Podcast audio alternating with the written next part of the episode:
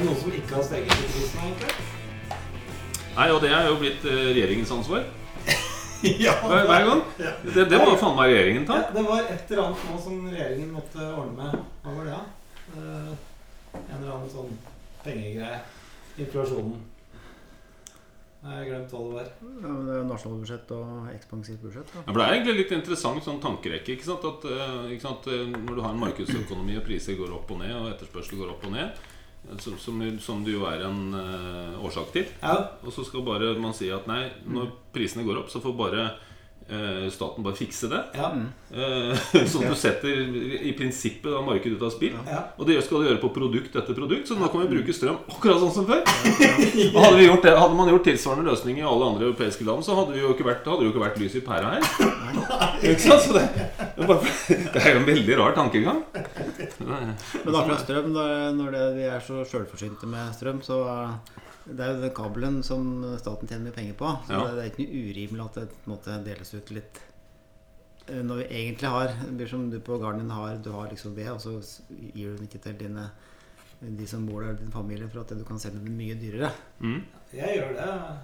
Ja, ja, det, Har en, har en eh, bekjentskap i Statkraft. Hun sier at eh, hun ramset opp for meg hvor mange sånne kabler vi har til utlandet. da. Det var 17 stykker. Ja. Ja, ja. Eh, Hun tok hele serien nedover. Mange av dem går jo via Sverige, da. Ja, ja, selvfølgelig ja, ja. Eh, og så sa han det er jo litt rart sånn at alle de, de, de jeg tror det var 15 første Ja. det, det, det, går helt, til og med en direkte til Russland. Og den snakker vi ikke noe om, for det er liksom litt omstridt.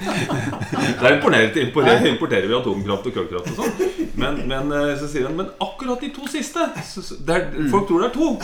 ja to kabler. Og akkurat de to siste De har endret liksom hele verdensbildet. det er alltid mye mer nyansert enn eh, det folk får med seg i det Ja, ja, vanlige ja, men det er jo det. Det er, jo litt, det er vel litt det vi skal prate på nå? ikke Ja, altså, det, I dag så er det faktisk Severin som skal ønske velkommen til en ny Ja. episode. Da, da, skal, da skal jeg begynne å bli mer, mer seriøs. ja, nå må vi bli seriøse. Ok, Severin. Men uh, da Bare sånn små, småprat uh, så først. Før vi Ja, altså- det har vi drevet med i tre minutter nå. Ja, så du har, ja og, og, og det er liksom eh, Han er jo litt sprø, da, for at eh, du vet aldri hva han eh, redigerer og ikke Han redigerer stort sett ikke bort noen ting. Nei. Det er skogsaken. Kjem det. Ja, så, men det er greit, det. For at eh, i dag det ble jeg tenkt å, eh, å presentere vår gjest. Og dette er en episode eh, vi har sett eh, veldig fram til. Og, mm, fordi at vi har da ifølge mm, mange, og også din, gjestens tidligere arbeidsgiver, en av skogbrukets lyseste hoder i studio. Ja. Eh, en person som eh, både du og jeg var eh, Snakker du om oss nå, eller? Mye, det er på Det høres sånn ut. mye, mye sammen med mm, opp igjennom eh, i ulike sammenhenger. Så jeg tenkte da å introdusere vedkommende. Og, og jeg tenkte å gjøre det eh, Jeg tenkte å på en måte da si eh, I stedet for å, at han skal snakke, for han er veldig talefør. Ja. Sånn at eh, nå skal jeg sette, ta føringen. Mm. Og så skal vi se hvordan det går. Og så må han da Og da kanskje er han på eh, defensiven, og så må han svare ja eller nei. Kanskje. Ja, du skal, du Vi får se. Så det. Nei, men da mm, Greit. Vi, da er skogsaken i gang. Ja. Eh, og mm, vi har da eh, Det er Tollef eh, Mykleby i studio som vanlig, og Severin Myrbakken. Eh, og i dag er det den 18. mai, dagen etter en fin nasjonaldag som eh, var som, som det var for tre år siden. Ja. Ehm, vi har da mm, vedkommende her, ja. Som det er da Yngve Holt. Velkommen til studio, Yngve. Takk, takk. Um, i, vi sa innledningsvis at det var ulike sammenhenger, og vi har både lyst til å høre litt uh, hva du mener om ulike ting, men også bli litt bedre kjent med deg på ulike plan. Og mm, vi, mm, du jobber og har gjort opp gjennom tida med eh, mye av det samme temaet som vi driver med, altså verdsetting og mm, erstatninger og mye sånn. Det er der vi primært har eh, møtt deg, men du har liksom tatt den litt eh, videre, for du er også veldig opptatt av næringspolitikk. Um, og du er kjent for å være spissformulert. Um, jeg har også møtt deg i andre sammenhenger. Uh, blant annet så møtte jeg på Birkebeiner stadion. Jeg har gjort et par anledninger uh, med noen sykkel og noen hjelm og noen skrubbsår og sånn. Ja, jeg er sykkeleier, det er riktig det. Så Og så er du fra Nord-Odalen. Um, har, jobb, har eh, jobbet som privat konsulent i ulike konsulentfirmaer. Og så har du vært i Glommen, og så Norskog og Glommen Mjøsen. Uh, og har da en, en penn som de fleste skogbrukere hvert fall har, har sett resultater av. Og også hørt deg i mange sammenhenger. Um, ja. Og så sånn helt um, enkelt Hva har du på nattbordet ditt akkurat nå? Skal vi se, da må jeg tenke meg om. Dette, dette, sier jo litt mye om meg, bare for å svare på spørsmålet. For det ene er Jeg måtte lese meg litt opp på Gravberg, Gravbergskogens historie. Oh, ja. Så det er den ene. For der hadde jeg noen huller som jeg måtte repetere. Så den eh, Der måtte den svenske konsesjonsloven vike plass da, for den boka. Og den andre boka, som er, den er ganske, det er en liten tynn flis, som handler om oppseilingen til første verdenskrig. Mm. Men som sånn, for, sånn første verdenskrig for dummies. Akkurat. Riktig. Mm. Men uh, det var som jeg tenkte, Tollef. Det, var, det var ikke akkurat uh, sånn pocketbok. Uh, det var ikke Morgan Kane. Det var ikke Morgan Kane. da da um, sjekk ut den. Hva er det på en måte du spiser vanligvis på en fredag kveld? Fredag ettermiddag når helga er foran deg og uka er lagt bak deg? Ja, Vi er i den fasen, kona mi er som mange andre med grå hår, at uh, nå har ungene forlatt redet. Og uh, livet er blitt mer uorganisert nær sagt enn det har vært før. Så jeg kan ikke Jeg tror nok vi har, vi har hatt uh, bak oss en periode med de vanlige fredagstradisjonene. Kanskje ikke så ja. utpreget tacomessig, men, så, men nå for tiden så tror jeg det er mer at jeg at det blir en rulleskitur og et eller annet som, som tilfeldigvis lages den, dagen, den kvelden. Ja. Så jeg tror ikke det er noen spesiell tradisjon på fredagskvelder for tiden. Nei. Nei. Ja, jeg tenkte nå skal jeg gå litt rett på sak. Ja. Gjør det. I dag skal vi snakke litt om samfunn og skogbruk og ja, litt om verden, rett og slett. Men med skogen som perspektiv. Eh, eh, og da jeg tenkte jeg skulle lese litt fra en artikkel i en uh, avis for uh, oss intellektuelle som heter Morgenbladet. har du Morgenbladet, Gudmund? Nei, uh, Yngve? Nei, jeg har jo ikke Morgenbladet, men jeg er jo, det er jo en sånn smal Jeg er ganske smal. Jeg hører jo på P2 og sånn, ja, så jeg er en utrydningstruet rase. ok.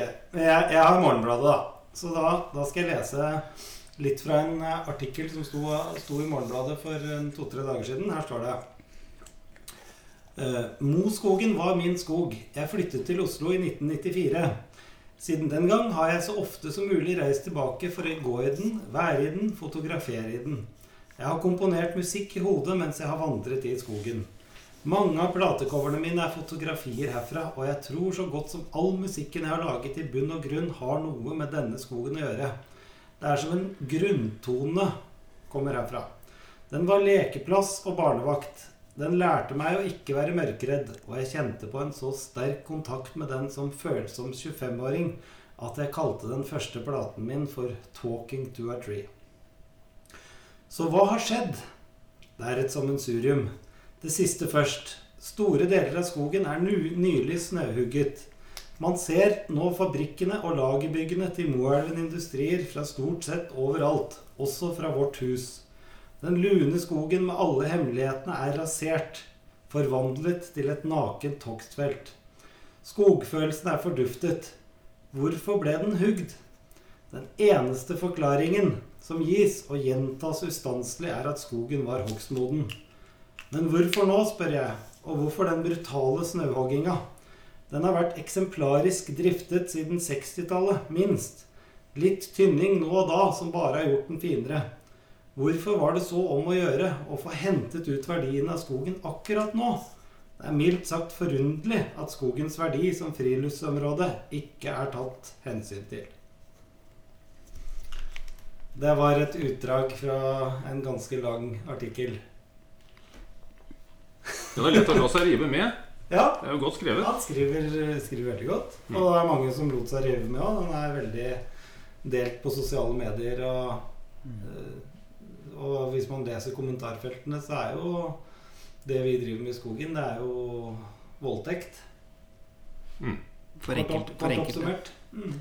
Det er mange, mange eksempler på sånne artikler. Så Det, det står jo, jeg vet ikke, den der Moskogen Jeg har tilfeldigvis gått i den, og et annet sted i artikkelen så står det noe om at uh, her var det stier som en sånn uh, nervetråd i skogen. Og jeg, jeg, jeg har jo gått der. og jeg, mange av de stiene da, det er jo gamle sånne lastebærerspor etter tynningsmaskiner som folk har syklet i og tråkket i. Så har det blitt et sånn nervenett og stier, da. Men eh, ja, nei, det, det var jo egentlig Yngve som skulle få begynne. Hva tenker du? Ja, men Jeg er en mann av få ord, så det er litt vanskelig å komme igjennom. selvfølgelig Jeg synes jo for øvrig, for å ta ut- utgangspunkt i litt introduksjonen, som jo var fantastisk i og for seg Men eh, jeg, jo, jeg møter jo dere stort sett på andre siden av bordet, så jeg er jo vant til det. Og, og nå vi jo, sitter vi jo på annen side av bordet i annen sammenheng òg. Det er jo litt hyggelig.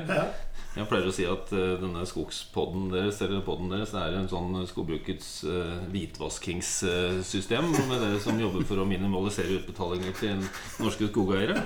Så, så det er jo artig å være, være med i denne banden. Men så var det reaksjonene på denne artikkelen. Altså, det har interessert meg eh, mye de siste årene. Altså, hvorfor er det sånn?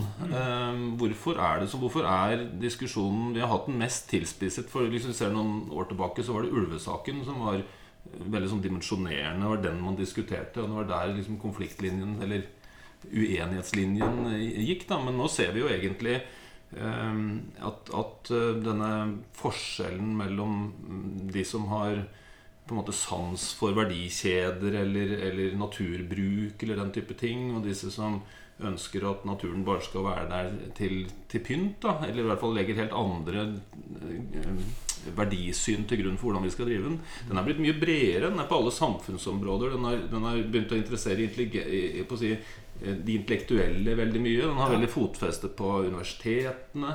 Eh, Vi ser det igjen i, i mye av domstolene. ikke sant? Man kan jo la seg f.eks. som skogbruker la seg virkelig underholde når man leser tingrettsdommer over eh, folk som har hogget et tre hos naboen, eller ikke hogget et tre hos naboen. Og hvor man kan få type flere hundre tusen kroner i erstatning eh, for et tre som alle vet jo at om 20 år er det jo dødt. Eh, Så det, så det er jo, men da har man en sånn syn på, på verden at eh, det er akkurat sånn som det ser ut nå.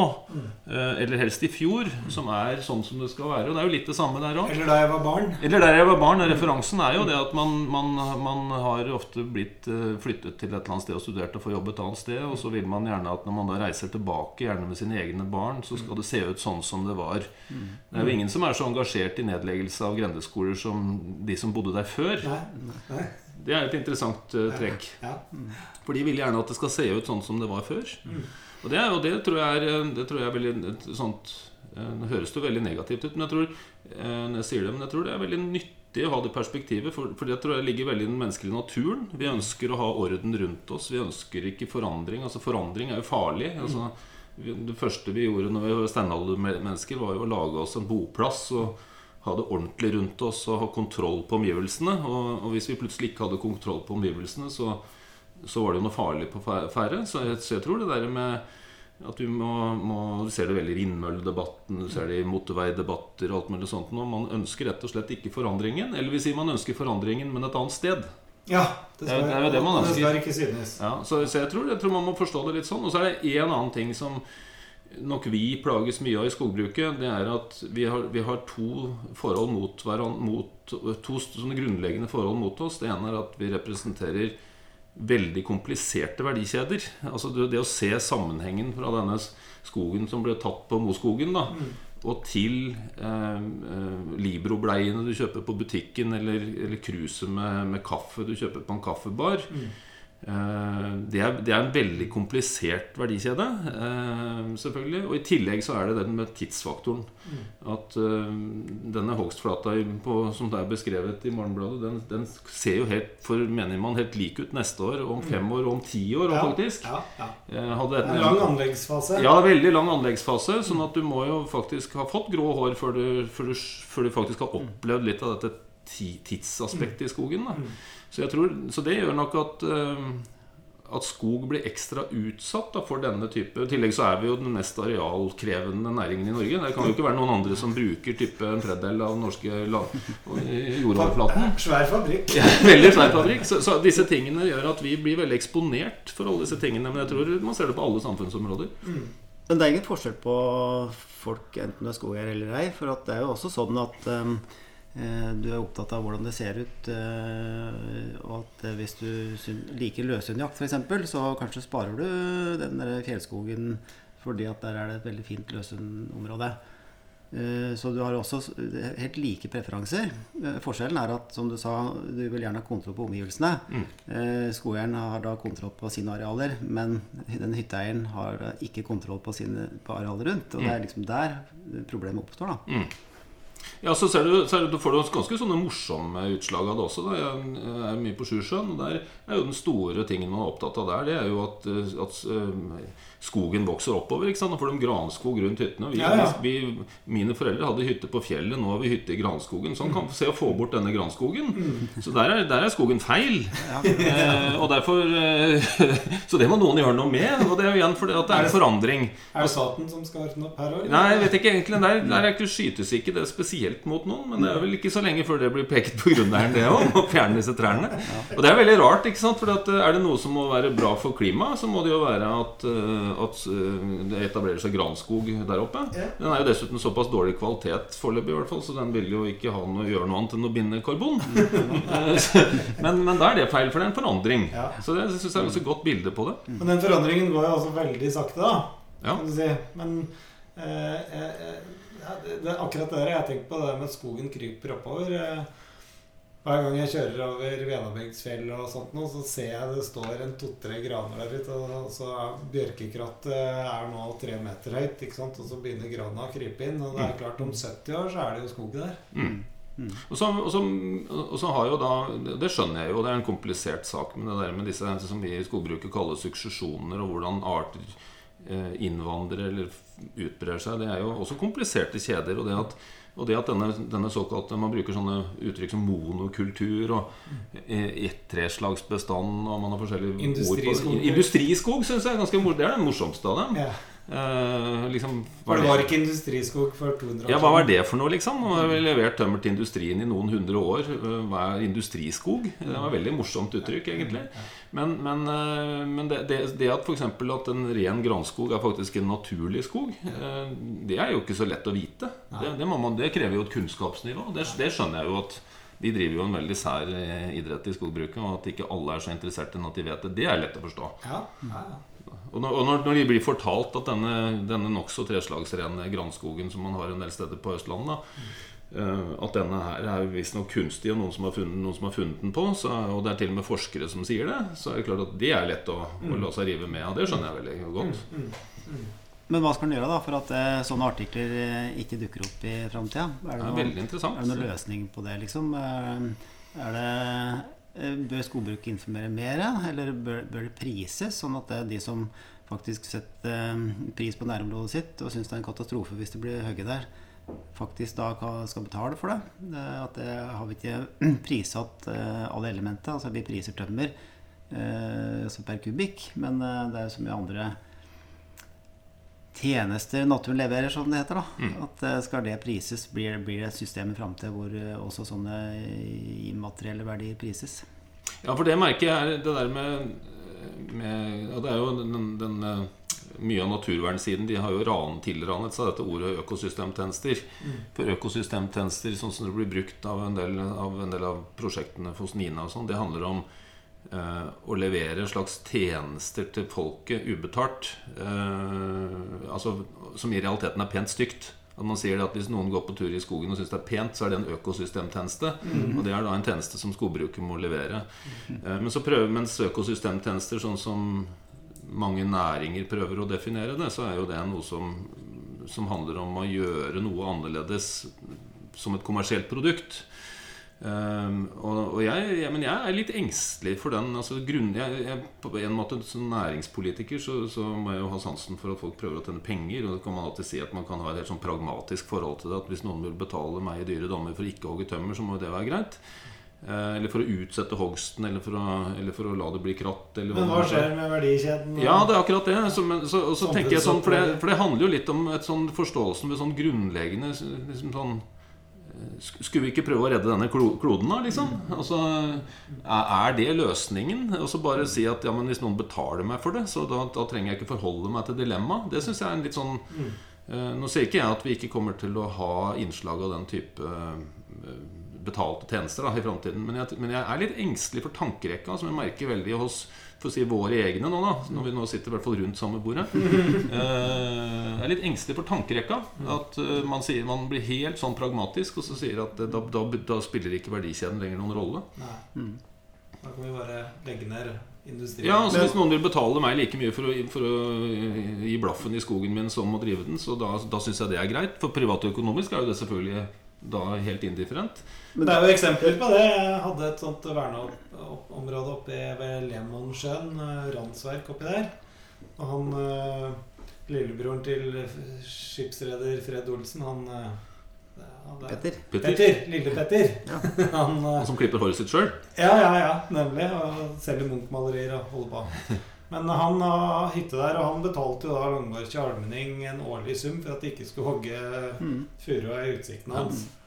Eh, og så ble jo den vernet, da, så da slapp han å betale. Men ikke sant, det der det å betale for sånne tjenester da, som eh, at det er pent, det er jo ikke bærekraftig. altså Det vil jo kunne gå en stund så lenge vi har økonomi. Men eh, så lenge det er mennesker på jorda, så må vi jo bruke ressursen. Ellers så får du ikke tak i de Libro-bleiene eller kaffekruset. Mm. Eh, så det er- Så det er jo ikke bærekraftig det heller, hvis vi skal la være å bruke ressursen, da.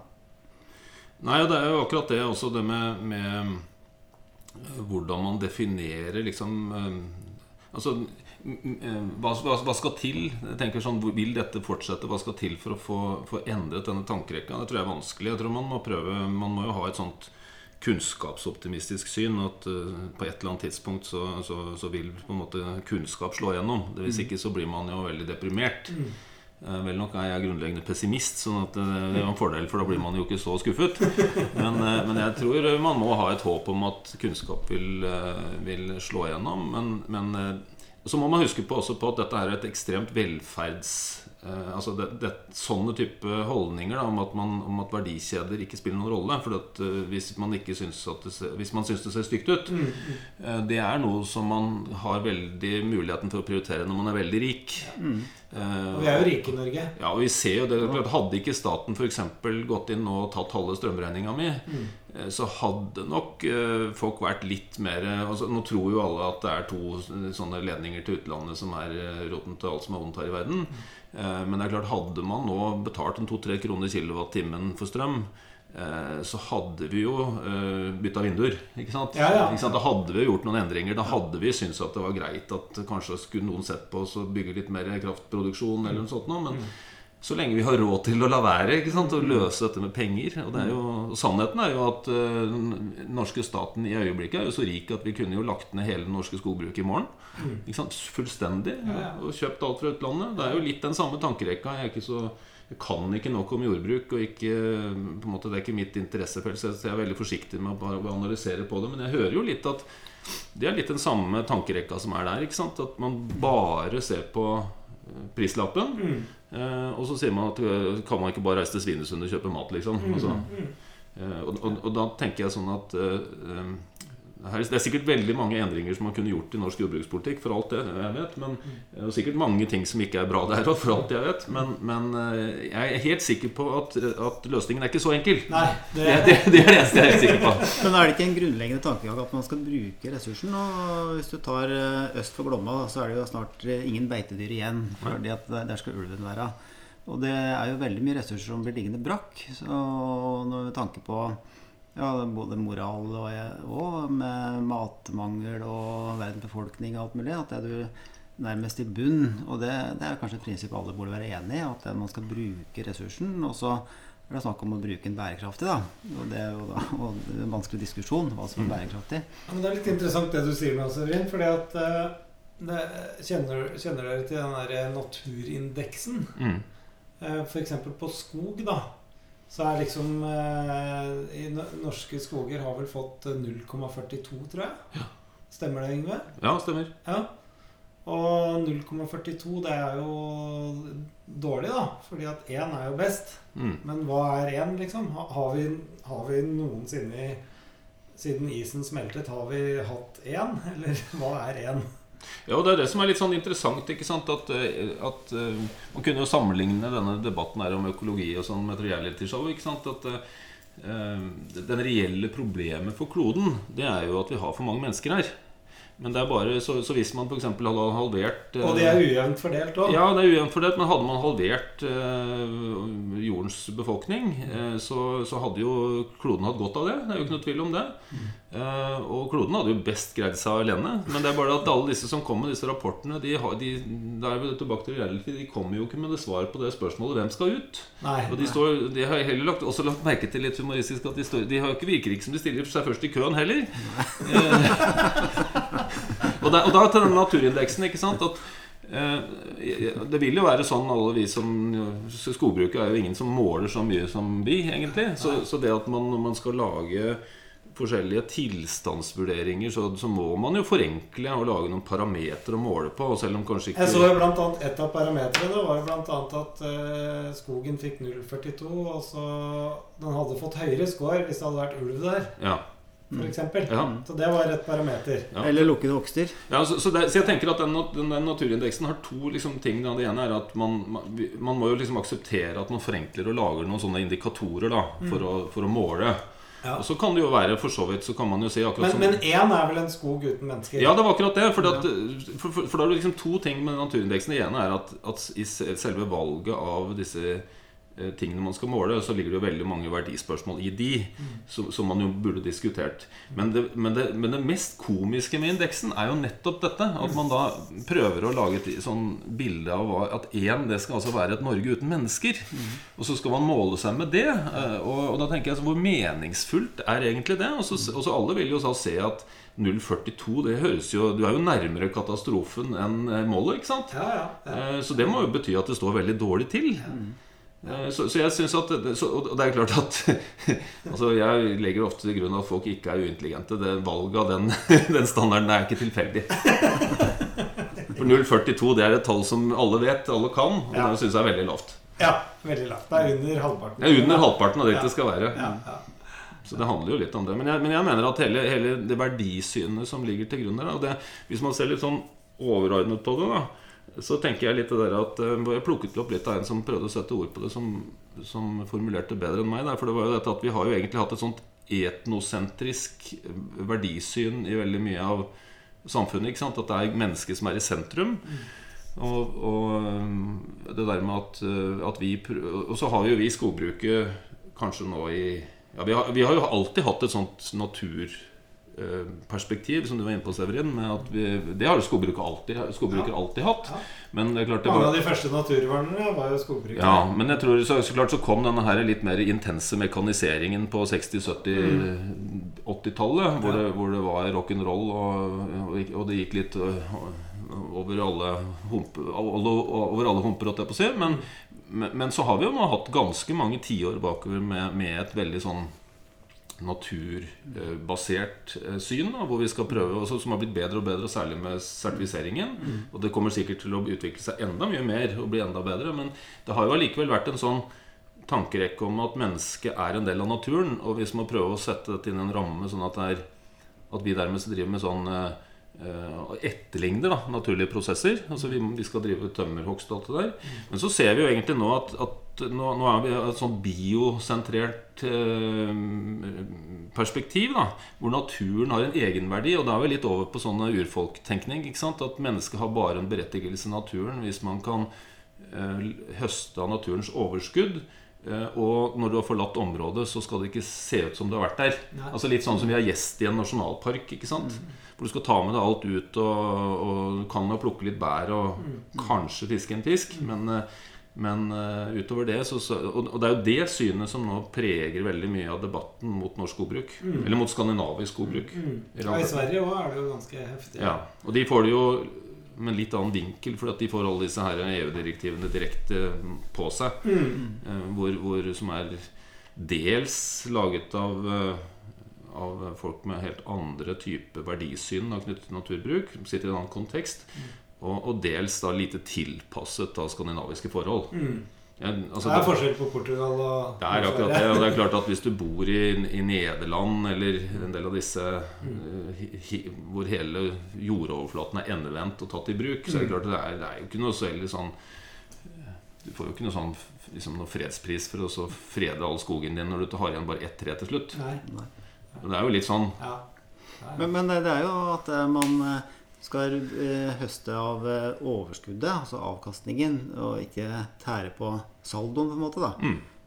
Og det er den tankegangen skogbruket har hatt hele tida. Vi opererer med, har gjort i mange tiår balansekvantum. mm, Altså et hogstkvantum som er utholdende i all framtid inntil det kan økes enda mer fordi at du produserer mer. mm, Men det er jo da en veldig snever definisjon, for det er bare volum. Og det derre bærekraftsbegrepet, da, og så hva er liksom banken? Er det, det er jo da alle arter og eh, hele mangfoldet, og hvor volum er bare en liten del av det. mm. Eh, og vi bruker, altså verdens befolkning i dag bruker vel halvannen til to jordkloder. Altså forbruket er for stort, Mm. rett og slett. Og, mm, så det, er- det er liksom få innholdet i den bærekraftssaken, få en enighet da, blant Mm. eh, et flertall om at det, sånn, dette er riktig å drive sånn og sånn. Mm. Men- Og som du sier, den, du har gjort et veldig sånn systematisk arbeid fra Rikere skog og Levende skog studiesirkler som Mm. kom på 90-tallet, og sertifiseringen i 2000, um, PFC osv. Så, videre, så at det skogbruket har jo hatt godt av å få den si, korreksjonen på at det vi faktisk må ta alle hensynene, for det er ikke bare kubikk og penger som gjelder. Mm. Eh, skal vi overleve i all framtid, så må vi jo gjøre det. Mm. Og så økes kunnskapen fra nå. Den, den intensiveres jo enda mer. Så jo mer vi vet Vi vet jo mye mer nå enn for 20 år siden. Og vi vil vite enda mer i framtida. Så det er jo på en måte håp om at vi skal um, få enda bedre løsninger Mm. etter hvert. Ja, for Det er jo en sånn ting som vi, som vi nær sagt underkommuniserer internt i skogbruket. Da, det er at eh, det må vi jo anerkjenne at hvis ikke det hadde vært for eh, alle disse naturvernorganisasjonene eh, og deres arbeid over tid, så, så, så hadde ikke vi eh, reagert sånn som vi hadde gjort. Og vi hadde, altså den, det at man må ha interesseorganisasjoner og en våken presse for å på en måte sette standarden og endre seg eh, Det er jo demokrati, det. det er viktig. Ja. Men, men det, som, det som mange eh, så, så det tror jeg og det, og det kommer til å fortsette. Og at vi trenger denne dualismen med at vi elsker å hate mm, naturvernorganisasjonene. nær sagt.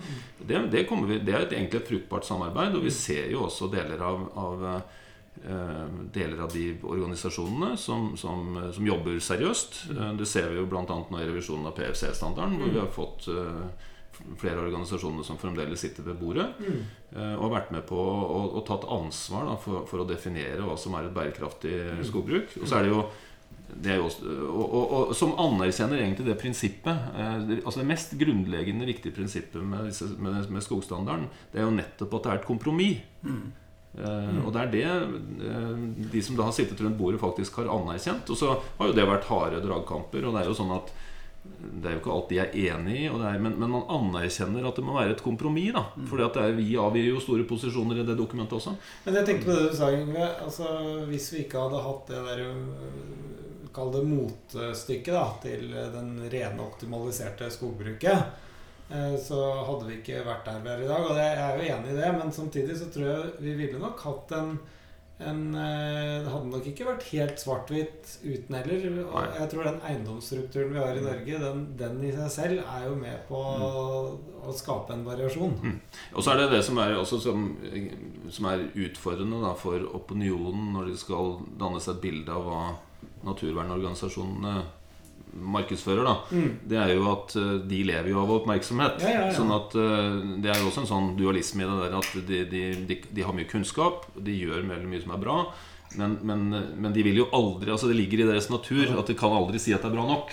Nei, det, da, hva skal, da må du jo Det er, jo, det, ja, det er på en måte forretningsgrunnlaget borte. Ja, ja. Du kan si at uh, mange foreninger som har som formål å gjøre seg selv overflødig. Ja. Men, uh, ja. Men du vil jo aldri ta på noen generalforsamling i Naturvernforbundet at mission accomplished. nei. De, tvert om, de sier jo at det blir bare mer og mer behov for dem. ikke sant? Ja. Så, Ja, og det, det ligger i sakens natur, men, men jeg, tror, jeg tror det, er den der, det er viktig at vi også er litt klar over at, eh, at sånn er det. Men, men, jeg, men det man kan irritere seg over, da, det er at det som er spesielt i Norge nå, det er at, eh, at det er ikke ok å tjene penger. Altså Det der å ha kommersielle interesser, det er i seg selv diskvalifiserende fra meninger. For det er jo det vi ser at når vi da skal matche oss mot naturvernorganisasjoner, så har de en ideell Ja de, de representerer det edle og ideelle Det rene. og rene. Og, Og det å tjene penger er liksom litt ja, sånn og, eh, og, litt simpel, og vi er kommersielle og tjener penger. Og da, Ja, for det så du den artikkelen jeg leste fra. ja, vi, vi kan jo ikke gjøre dette uten noen annen grunn enn å tjene penger. Men, men jeg tenker sånn hvis du går på en restaurant, eller du- kjøper en, handler i en butikk, eller du kjøper deg en ny bil, eller, eller hva du nå gjør, eller, eller du leverer ungen dine i barnehagen Altså Det er jo ikke så mange som hadde jobbet i barnehage hvis de ikke fikk betalt. Og så er det noe sånn verden går rundt. da at, eh, vi, er, vi har kommersielle interesser alle sammen. Og jeg hadde ikke hogd noe tømmer på min egen eiendom hvis jeg ikke fikk betalt. Nei, det, Det ligger jo litt i da. Jeg, jeg synes jo, jeg, det, er mange som tror at skogbrukere elsker hogstflater. Jeg, kjenner ingen skogeiere som, som syns det er så morsomt med, å drive med sluttavvirkning. Ja. Du kan være litt fornøyd med at det gikk ikke gærent, eller dette du planla bra. Veldig så- bra at det ikke regnet akkurat ja, på så ble det ikke sånn hjulspor eller noe Ja. sånt. nå, Men de aller fleste puster jo nærmest lettet ut ti år senere når de ser at ungskogen har begynt å ja, etablere seg. ja, Og, ja. Ja, ja, det gikk bra. Det gikk bra. ja, så skogeiere liker jo som regel ikke å hogge tømmer. Mm. Så der har vi jo helt sammenfallende grunnsyn som naturvernorganisasjoner. Men, men det er bare at vi har, vi har skjønt vi, vi, vi kan den der sirkelen. Da. Mm. Vi skjønner at det er veldig mange ting i naturen som er sirkulære. Og hvis vi skal høste av naturens Ja, overskudd, pluss så at når du har lagd det av den hogstflata, så Når du har gått over den, så går du 300 meter til, og da kommer du til et felt som ble sluttavvirket for 40 år siden, og Ja. da er det kjempegøy. Ja, det er akkurat det. Da, da skjønner vi den sirkelen. For ja. det er noe med at hvis du skal høste av naturens overskudd, så må det også være en høstingsfase. Ja. Ja det, det- og en anleggsfase. Ja, og det er, og det, er, det er- det som er litt interessant. Hvis du overfører mye av de synene folk har på det vi driver med, over på jordbruk, da, så er det ingen som stiller noen kritiske spørsmål til at skurtreskeren kommer på høsten.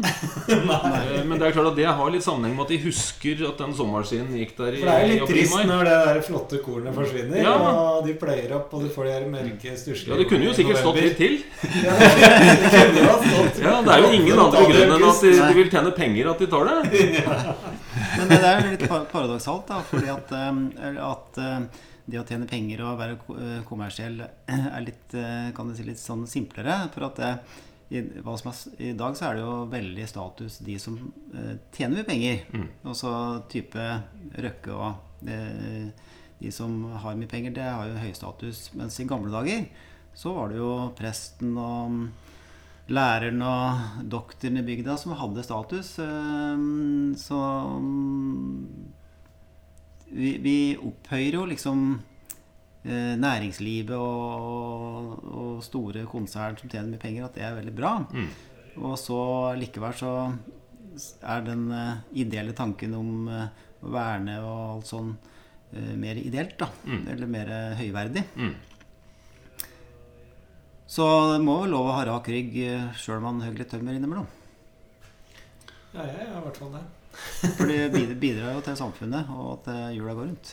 Ja, og så er det også et perspektiv det at vi Det er jo en fordel vi har i de, egentlig i alle de skandinaviske landene. da Eh, Selv om Sverige har eh, Halvparten av skogarealet i Sverige er eid av veldig store skogeiere, så er jo Resten av skogen i Sverige også er jo dominert av veldig små eiendommer. Ja, halvparten. Ja, og, og, eh, og det at vi har dette, dette småskala Altså eierskap, småskala skogbruk i Norge med, med, store, med en variasjon, da, men med, det gjør jo at det er jo veldig få Det er nesten ingen skogeiere som blir spesielt rike på dette, fordi at det er veldig små eiendommer. Og, det, og det, er, det, da er det jo noen som snur det på huet og sier at ja, men hvis du tjener bare 40 000 kroner, da kunne du like godt latt være. Men, men jeg mener at Og det er jo dessuten en verdiskapning som i sin natur skjer ute på bygdene, for det er jo der skogen er. Så, så, så, der, så jeg syns det er et veldig sånn rart uh, For den typiske skogeier i Norge er jo bussjåfør eller mm. lærer eller barnehageansatt ja. eller mm. jobber i et uh, Sykepleier. Eller sykepleier, eller hva det måtte være. Og, og, bor på bygdene. Det er den typiske norske skogeieren. Og mm. jeg syns ikke det høres noe, noe, uetisk ut at vedkommende en gang hvert jubelår, hvert 20 år kanskje, kan få en tilleggsinntekt på 200 000. Det er jo det det handler om. Det er den typiske norske ja. inntekten av skog. Mm. Det skaper arbeidsplasser, og arbeidsplasser er jo noe som alle er enige om at vi skal ja. arbeide til alle. Eh, det er jo en veldig viktig hovedprioritet for alle politiske partier, og alle mener jo det er mm. riktig. Og det bidrar jo sterkt til det. Jeg tenkte jeg skulle touche litt inn på det der med natursynet igjen. Jeg husker en gang eh, Vi, eh, vi har jo mye med domstolen å gjøre i, i vårt firma, Severin. Og jeg husker jeg fikk ansvaret Vi ble spurt av en, eh, av en sorenskriver om, om, vi kunne holde et lite kurs eh, i litt sånn skogøkonomi og ta med noen tingretter til skogs, rett og slett. Så det var flere tingretter eh, på Østlandet. Og da husker jeg at jeg gikk med et sånn taleheng av dommerformektiger og sorenskrivere og dommere. Eh, og vi snakket om skogbruk og verdsetting og ja, ekspropriasjoner og alt det der. Det kan jo du masse om. Men mm. uh, da husker jeg veldig godt Da, da gikk vi inn i en sånn uh, hogstklasse 3 gran, sånn 45 år gammel, som var akkurat ferdig tynnet.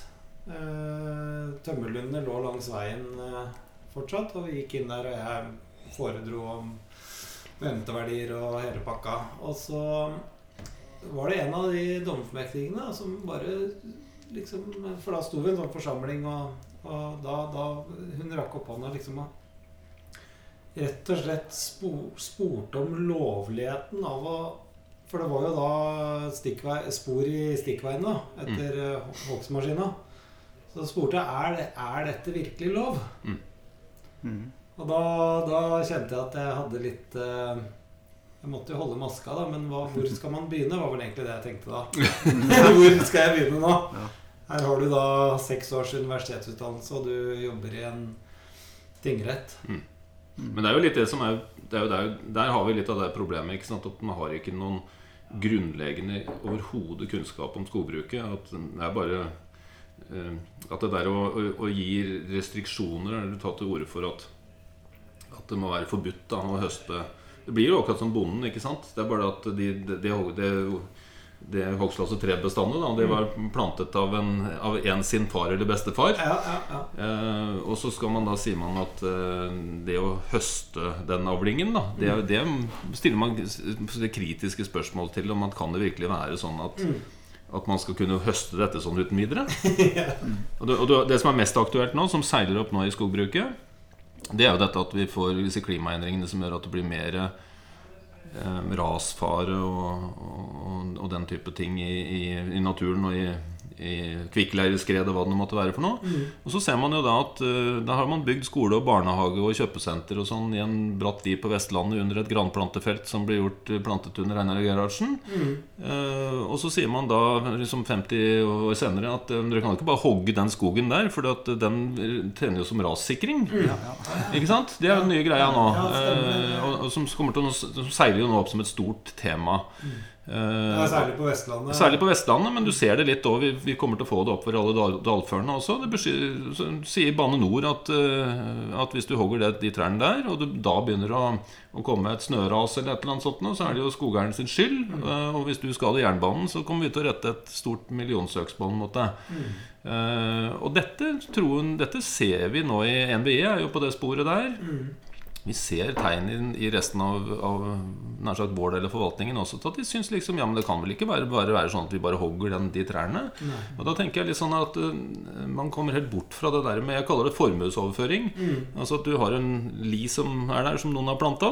Mm. Uh, og det eneste, Særlig på Vestlandet er det jo enklest å lage et bilde av det, for der er jo ikke grana naturlig de fleste stedene. Og så har man da planta det, og det at det skal hogges da en 50-60-70 år senere, det må jo ikke komme som noen overraskelse. Det er jo derfor det ble planta. Men det gjør det jo. Uh, og så sier man at ja, men, ja, men nå, nå jo, blir det jo rasfare der nede hvis dere hogger. Mm.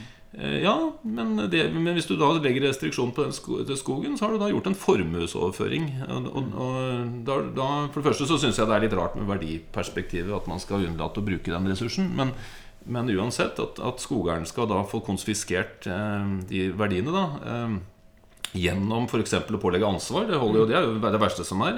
At det ligger så store juridiske erstatningsmessige ting som kan ligge der. Um, um, men, men også det der at man, man stiller da ikke noen kritiske spørsmål. Det er jo på en måte noen som får den verdien. Og Da er vi litt tilbake til dette som er veldig spesielt i Norge. Det er at man har denne læren om de erstatningsfrie rådighetsinnskrenkningene. Som, som er lett å skjønne, i den forstand at det er, det er vanskelig å se for seg et samfunn som eh, hvor det skal utløse erstatning hver gang du regulerer noe. Mm. det, det ville være et uholdbart samfunn. At hver gang man enten ga en positiv eller en sånn negativ restriksjon, så skulle noen få erstatning. Det ville jo bli helt umulig og handlingslammende for samfunnet. Men samtidig må man huske på at det rettsprinsippet er utviklet i en litt annen sfære. da Man så ikke for seg altså Når, når eidsvollsmennene f.eks. Uh, skrev dette her med at hvis Statens Tarv Ja. eh, fordret at noen måtte avgi sin, sin, sin eiendom, så skulle man ha erstatning. Ja, bør, Bør, ja. Bør man ha full erstatning av statskassen? Eh, Så kan man si at det, de tenkte jo bare på, på det vi kaller ekspropriasjon i dag. Men, eh, men også i nyere tid, på 50-, og 60- og 70-tallet, så, så så man ikke for seg den, den, den interessesfæren, altså det offentlige og, og, og turgåere og sånn. At de skulle kunne komme med berettigede på en måte, krav om at her, det kan jo ikke være sånn at man bare skal fjerne disse trærne. Eh, Det så man ikke for seg. Men ennå så henger da eh, juristene og, og de intellektuelle da, mm. Du ser det særlig fra Universitetet i Oslo, mm. hvor de mener det at, eh, at dette er høyst legitimt. At det kan ikke være sånn at man bare kan eh, tilrane seg verdier av naturen. Fordi at bestefar planta det. Med, bare med den begrunnelsen, liksom. For det, er, det kommer jo til skade for noen fordi at noen vil gå tur her. Ja, ja. Eh, Og det, det, jeg syns det er en veldig farlig utvikling. Det er det at eh, vi, vi bruker alle arealer. Vi blir så eksplodert, som du sier. Det er det som er eh, hovedproblemet. En annen eh, næring som har en fabrikk på en fabrikktomt, det, det, det, det aksepteres at den ligger jo der. Og Det er jo prinsippet forurenser betaler. Forurenser dem, så må de jo selvsagt ha rene utslipp og alt sånn. Men eh, at det er den som driver næringen, som på en måte skal ta Det, det du sier, da, er at det, eh, skogbruket blir belastet med for stort ansvar for Mm. at alle eh, andre ja, vei og jernbane og ellers skal liksom ikke lide, da.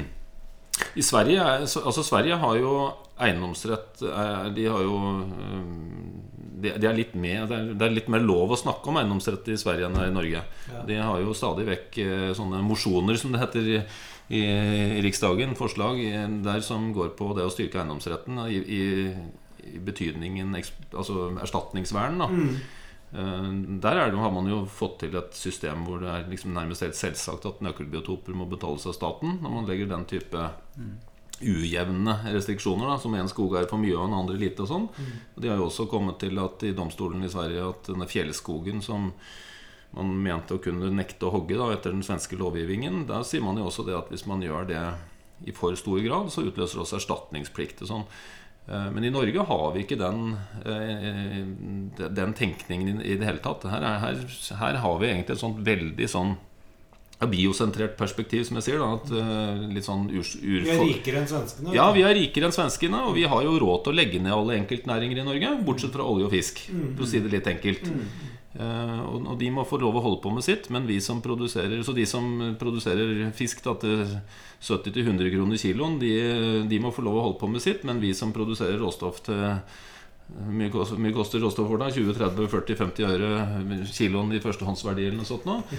Eh, og, og ikke tjener noe særlig penger. Men som har stor betydning for, for, for verdikjedene, og som tross alt inngår da i en skandinavisk stor produksjon. Eh, For man kan ikke se på skogbruk bare i norsk perspektiv. Eh, Vi skal liksom ta alle disse, disse restriksjonene, da, og til og med erstatningsfritt. Ja. Men jeg synes ikke egentlig spørsmål, altså spørsmålet om erstatning eller ikke er egentlig et litt underordnet spørsmål. For det blir litt som det som vi snakket om eh, betaling for økosystemtjenester. ikke sant? At det er jo ikke sånn at vi får vi bare erstatning, så er det greit heller. Det er jo bare en annen måte å få betalt på. Så vi må jo diskutere det Prinsippet. vi, vi, vi, må diskutere det underliggende prinsippet. Er, er det greit at vi har øh, mennesker i Norge? Og er det greit at menneskene gir et avtrykk på naturen? Og så, og så er jeg litt opptatt av at vi må prøve å definere hva som er et akseptabelt Altså hva som er en akseptabel miljøpåvirkning. Ikke hva som er et skogbruk uten miljøpåvirkning. For at skogbruk det betyr bruk av skog, og en brukt skog den vil se annerledes ut enn en ubrukt skog. Ja. Og en ubrukt skog den vil ikke produsere Vi kan sikkert høste en million kubikkmeter i Norge sånn, i sånn ubrukt perspektiv, men skal vi høste så, så det betyr noe, altså en 10-15 millioner kubikkmeter som vi gjør nå, eh, så vil vi, da vil den skogen se brukt ut mange steder. Og så vil vi ha deler som er mer, mer eller mindre ubrukt, og noe er, noe er eh, mer opprinnelig enn annet. Men, men det er det der at vi må på en måte anerkjenne prinsippet om at naturbruk betyr bruk av natur. Ja. Det er jo I enhver næring så er det jo hele tida liksom kamp om penger og kamp om interesser. Og som vi, vi har skjønt, eh, mange etter hvert, så er du Du leser jo kanskje flere dommer eh, enn mange andre. Um, om du ikke hadde det på nattbordet ditt akkurat nå, så har du sikkert det på nattbordet ditt av og til.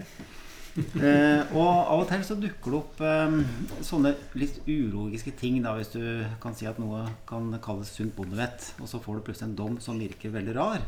Og den siste nå, den er eh, den, eh, at grunneier skal betale eiendomsskatt under en kraftlinje som faktisk eh, ikke grunneieren kan bruke, i næring i hvert fall. Eh, og så likevel, så, som jeg skjønte, så havner Høyesterett på at det fortsatt så skal grunneier betale Mm. eiendomsskatt for en, et areal som man ikke kan bruke.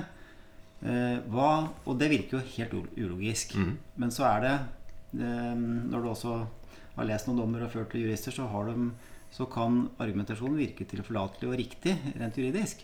Så hva- hva har skjedd der? Altså Hvorfor kom Høyesterett fram til at det var riktig? Men gikk det til Høyesterett? Nei, den ble nektet fremmet i Ja, ankeutvalget. Ja, ja. Og Borgarting, var det ikke det? Mm. Ja. Men jeg synes den er litt interessant. Det er mange sånne interessante perspektiver der. For det første så er det det perspektivet Dette var jo Altså, dette gjaldt jo eh, Statnett. Og og det var jo en, en, en eh, som da saksøkte tre kommuner. eh, Til, nær sagt litt tilfeldig utvalgte kommuner. For det handlet jo om hvordan man skulle utmåle eiendomsskatt. Og det var jo mange perspektiver der. Det var med avskrivingsregler og forskjellige typer ting. Så det var sikkert eller, Og så er det jo en eller annen lyst hode da som kommer på det der om at ja, men en del av den verdien vi sitter på, det er jo, det, det er jo den der, de kaller det for fremføringsrett. Altså den der, Det koster jo noe det å etablere en rettighet på på, på grunneierens eh, eiendom. Ja, Dere jobber jo stort sett med å ta fra grunneier eiendom, så dere syns sikkert det er for dyrt. Men vi syns det er for billig. Men uansett har det en verdi. Altså Hele den, den prosessen koster jo noe. Og den, en, den har da vært vanlig å legge inn i anleggets verdi, og så er det en liten del da, av den eiendomsskatten som, som Statnett eller Elvia eller de andre netteierne betaler. Så er det jo et lyst hode da på et advokatfirma som har kommet på at ja, men det der ligner jo litt på tomtefeste, så det, den delen der av regningen den kan jo vi slippe å betale. Og så tenker jeg sånn der, så, det, så det som jeg synes er mest Og så, sitter det da juridisk avdeling i Statnett og sier at det var et brillefint poeng. liksom, at eh, Kan vi slippe litt av regningen? Eh, og, så, og, så tenker, eh, og, så, og så prøver da kommunen å forsvare seg litt og si at ja, men det er veldig uhensiktsmessig. Nå sender vi bare én regning til Statnett hvis vi skal sende 1000 regninger til alle grunneierne. Og da tenker vel dommeren i Borgartinget at eh, det er jo dere som pålegger den eiendomsskatten. Altså si at det er ubehagelig å sende ut regninger, det er vel et ubehag dere må ta, liksom. Og så er det litt interessant, da. Så, så jeg tror liksom at Og så, finner man da en sånn juridisk løsning på og sier at ja, det er liksom lovgivers løsning, da. Men det som er, dette er litt sånn keiserens nye klær. ikke sant? At, at en eller annet våkent menneske i den der Det, satt jo folk med masse mastergrader inne i det der rommet der. En eller annen burde jo ha liksom rukket opp hånda og sier si at er dette vel anvendte penger? Eh, her skal vi kjempe for et juridisk prinsipp som helt uavhengig av hvilken regjering som sitter med makten, neppe lever mer enn et kvarter når dette kommer i pressen. Eh, og, og, og, kjern, og kjernen i spørsmålet er altså at her sitter det da, eh, særlig i landbruket, da, hvor det, som har, som har fritak for eiendomsskatt, her sitter det altså en type skogeier med vårt perspektiv som har gått til et areal som tidligere ikke hadde eiendomsskatt, men hadde verdi. Eh, Og så kommer man da Statnett og tar arealet, og så har det plutselig gått over til å være et areal uten verdi, men nå med eiendomsskatt. Burde ikke vært en voksenperson til stede som hadde sagt at skal vi droppe dette? Og det, tok jo bare liksom en halvtimes tid, så var Slagsvold Vedum der og sa at nei, men dette prinsippet endrer vi. Kan ikke være sånn. Så Nå, nå toucher jo for så vidt eh, Borgarting i drøftingen. Den er ikke så Den var litt tabloid, min gjengivelse nå, selvfølgelig. Litt for underholdningsverdien. Men de toucher jo også dette at de ser at dette er kanskje litt uhensiktsmessig løsning. men, nei, men, så det er kanskje ikke, ikke lagmannsretten man egentlig burde skutt på, men det er jo noen voksenpersoner på en måte i Statnett og i det advokatfirmaet. Så, så jeg, hadde litt moro av å, å bruke pennen litt. Så jeg skrev at her burde vel kanskje Statnett gått til sitt advokatfirma og så sagt at den regningen skulle skjæres ned en million Ja. kroner for, for straff for å ha kommet på ideen. Ja, ja, ja, herregud. Altså for Man kan ikke drive med dusteri. Det er derfor jeg syns denne saken egentlig var litt morsom. Eh, Sånn hadde litt underholdningsverdi. Men, men så, da, i bunn, så er det litt for- foruroligende. For det sier litt om hvor langt unna virkeligheten det er noen som sitter da og, og gjør viktige beslutninger. Dette hadde, var jo bare en- endt opp i en morsomhet, men dette kunne jo vært viktig. Vi hadde jo en, uten at vi skal nevne hvilket kontor det var, det var men det var et kontor eh, som vi har hatt en del med å gjøre, som eh, lurte på om eh, skogbruk egentlig er igangværende bruk. Ja. Ja, for at den, den nye nattmangfoldloven som kom i 2009, Mm. eh, der var det, da skulle du få erstatte når, når eh, staten tok et areal, eller tiltakshaver tok et areal, så skulle du få erstatte igangværende bruk. Og du f- skulle ikke få erstatte alt mulig du tenkte ting du kunne finne på framtida. Og, og da var det også Det er jo eh, Skarpe jurister. Mm. ja, ja ut ifra eh, den det vi begynte med i stad, hvor det er liksom en forskjell mellom det som oppfattes som sunn fornuft, Mm. og hva en jurist da klarer å eh, resonnere seg fram til. Og da var det altså en skog da, som er 80 år, og som faktisk har produsert i 80 år, for det må den gjøre. Og stiller spørsmål her har du ikke gjort noe spesielt på 80 år. Er det, kan det da kalles igangværende bruk? Mm. Eh, det nå ble jo lagt død, heldigvis, men eh, likevel bare å komme på tanken. Mm. For, det, for en skogbruker er det helt, selvfølgelig helt naturlig. Ja. Ja, og I en gammel skog så er det jo Hvis det hadde vært eh, jevn virksomhet der, så hadde det jo ikke vært en gammel skog. Nei, Nei. det. Det eneste man kan si, er at det kan jo være at de beredet grunnen for argument for lukket hogst. da Ja, ja. Ja. man skal holde på med hogstmaskiner Ja. overalt hele tiden. For å, for å være i er hvert fall For å være, i hvert fall være i erstatningsposisjon når det skjer noe. Nei, så det er, um, men eh, den sunne fornuften vinner jo kanskje til slutt, eh, virker det som. da, I hvert fall de to sakene vi nevnte nå. Mm. Ja, det Ehm, gjorde det. ja. Så Men lukket oks for øvrig, siden vi er med på det. Ja. Jeg må jo ta litt regi innimellom her. Ja, kom igjen. Eh, Det er også en sånn interessant ting. For det, det, det er jo en sånn diskusjon som har blitt Det er for øvrig et veldig dårlig begrep, da, som noen prøver å, å lage nye begrep. Da. Jeg syns ofte det derre eh, engelske uttrykket eh, Altså som oversatt kontinuitetsskog da, ofte er bedre, for det handler jo egentlig om å ha et kontinuerlig skogbilde. Men, men, men uansett, da, det er litt tilbake til det, det, det henger jo litt sammen med dette vi har snakket om. For at Folk tenker jo ikke disse verdikjedene. Og så tenker de ok, det er sikkert sånn at grunneieren må hogge noe tømmer. da Så får vi nå bare akseptere det. da Men, men her er det noen forskere som sier at det kan du bare gjøre med sånn eh, kontinuitetsskog. Eh, Så er alle problemer løst. Mm. Da, da er det ikke noe problem i det. ikke sant? Og det er klart at hvis, hvis verden hadde vært så enkel at du bare kunne endre et sånt produksjonssystem fullstendig eh, fra A til Å, uten, og så, så hadde de ikke hatt noen så, Ifølge en veldig profilert sånn eh, naturverntalsmann Så han sier jo at vi ville tjent mye mer penger på det dessuten. Ja. Vi ville fått dobbelt så mye betalt for tømmer. Mm. For Han henviser til at det er en sånn eh, er sønnen hans som driver og restaurerer mye bygg, og han betaler helt opp i 2000 kroner kubikkmeteren for noe som er veldig sjelden. Og det er, vel kanskje, det er kanskje derfor han betaler 2000 kroner kubikkmeteren, fordi det er veldig sjelden. men, men ikke sant? Så, så hvis, hvis tingene var så enkle, så, så Det betyr ikke at vi ikke skal hogge litt mer kontinuitetsskog i framtiden, men det betyr at det er ikke så enkelt. Men, men skogbruket har jo også tatt det der på alvor. da, fordi at eh, nå er det jo flere mm, tømmerkjøpere og skogeierandelslag som, som eh, kurser, da, eller skolerer eh, sine Mm. og tømmerkjøpere på em, å kunne drive da, den kontinuitetsskogbruket. For det er faktisk mange skogeiere som også etterspør den tjenesten. Altså, De har ikke nødvendigvis lyst til å hogge flater overalt. Og har lyst til å være litt um, ta litt mer hensyn eller bevare et skogbilde. Mm. Uh, så nå er det jo egne programmer på en måte, i, blant tømmerkjøpere på å, å både få mer kunnskap og gjøre det mer sånn praktisk gjennomførbart. Mm. Så det beveger seg hele tida. Men det som er bra med det, det er at For det som man har rett i, det er at det har vært en del altså i den der litt programmerte skogbruket som vi har gått litt over til. Da har vi vært litt opptatt Vi har jo adoptert litt svenskenes tenkning om å ha sånne mallar. ikke sant? Og så drive litt mer programmert skogbruk. da, at Det er sånn vi driver, med, driver metoden vår. Så har, nok, eh, så har vi jo faktisk blitt dårligere på altså, skjermstillingshogst i gran, f.eks., som er noe alle rundt bordet her lærte på skolen. Ja. Det, det, det har jo på en måte gått ut av sortimentet. Det er jo ikke noe tvil om at uh, lukket hogst, for å bruke det upresise begrepet, i, eh, har en berettiget plass i skogbruket, og at den har fått for lite oppmerksomhet, og at vi bør øke omfanget av det. For det er jo ikke noe nytt. Nei, det er ikke noe nytt. Man har jo drevet med det i alle år. Og, og, Det virker som om det er helt nytt. ja, og og jeg syns også det blir litt sånn fordummende når man sier at, at vi ikke har noe kunnskap om det. og sånn altså, vi, har, vi driver tross alt en million kubikkmeter eller noe sånt i året i tynning, så vi har mange entreprenører som kan kjøre mellom trær og ta ut noen andre trær. Det, det, har vi, det har vi både utstyr til og kunnskap om. Og alle som jobber i skogbruket, har hatt dette som pensum på skolen. Alle har sett sånne bestand. Eh, Men det som er riktig, er at omfanget har vært litt for lavt og vært dalende. Eh, og så er det jo litt sånn også at de stedene man kan reise og se på lukketogstype gran, det er jo som regel de som gikk bra. Ja. Fordi at de, som, de som blåste ned, de er, står jo ikke der lenger. Jeg har, eh, har, hadde en ganske svært sånn skjermstilling av gran eh, hos meg. Da. Det var da moren min drev eiendommen. Det var ganske stort areal. Og jeg kan jo bare konkludere for deg. Den skjermen er borte. Ja. Ja.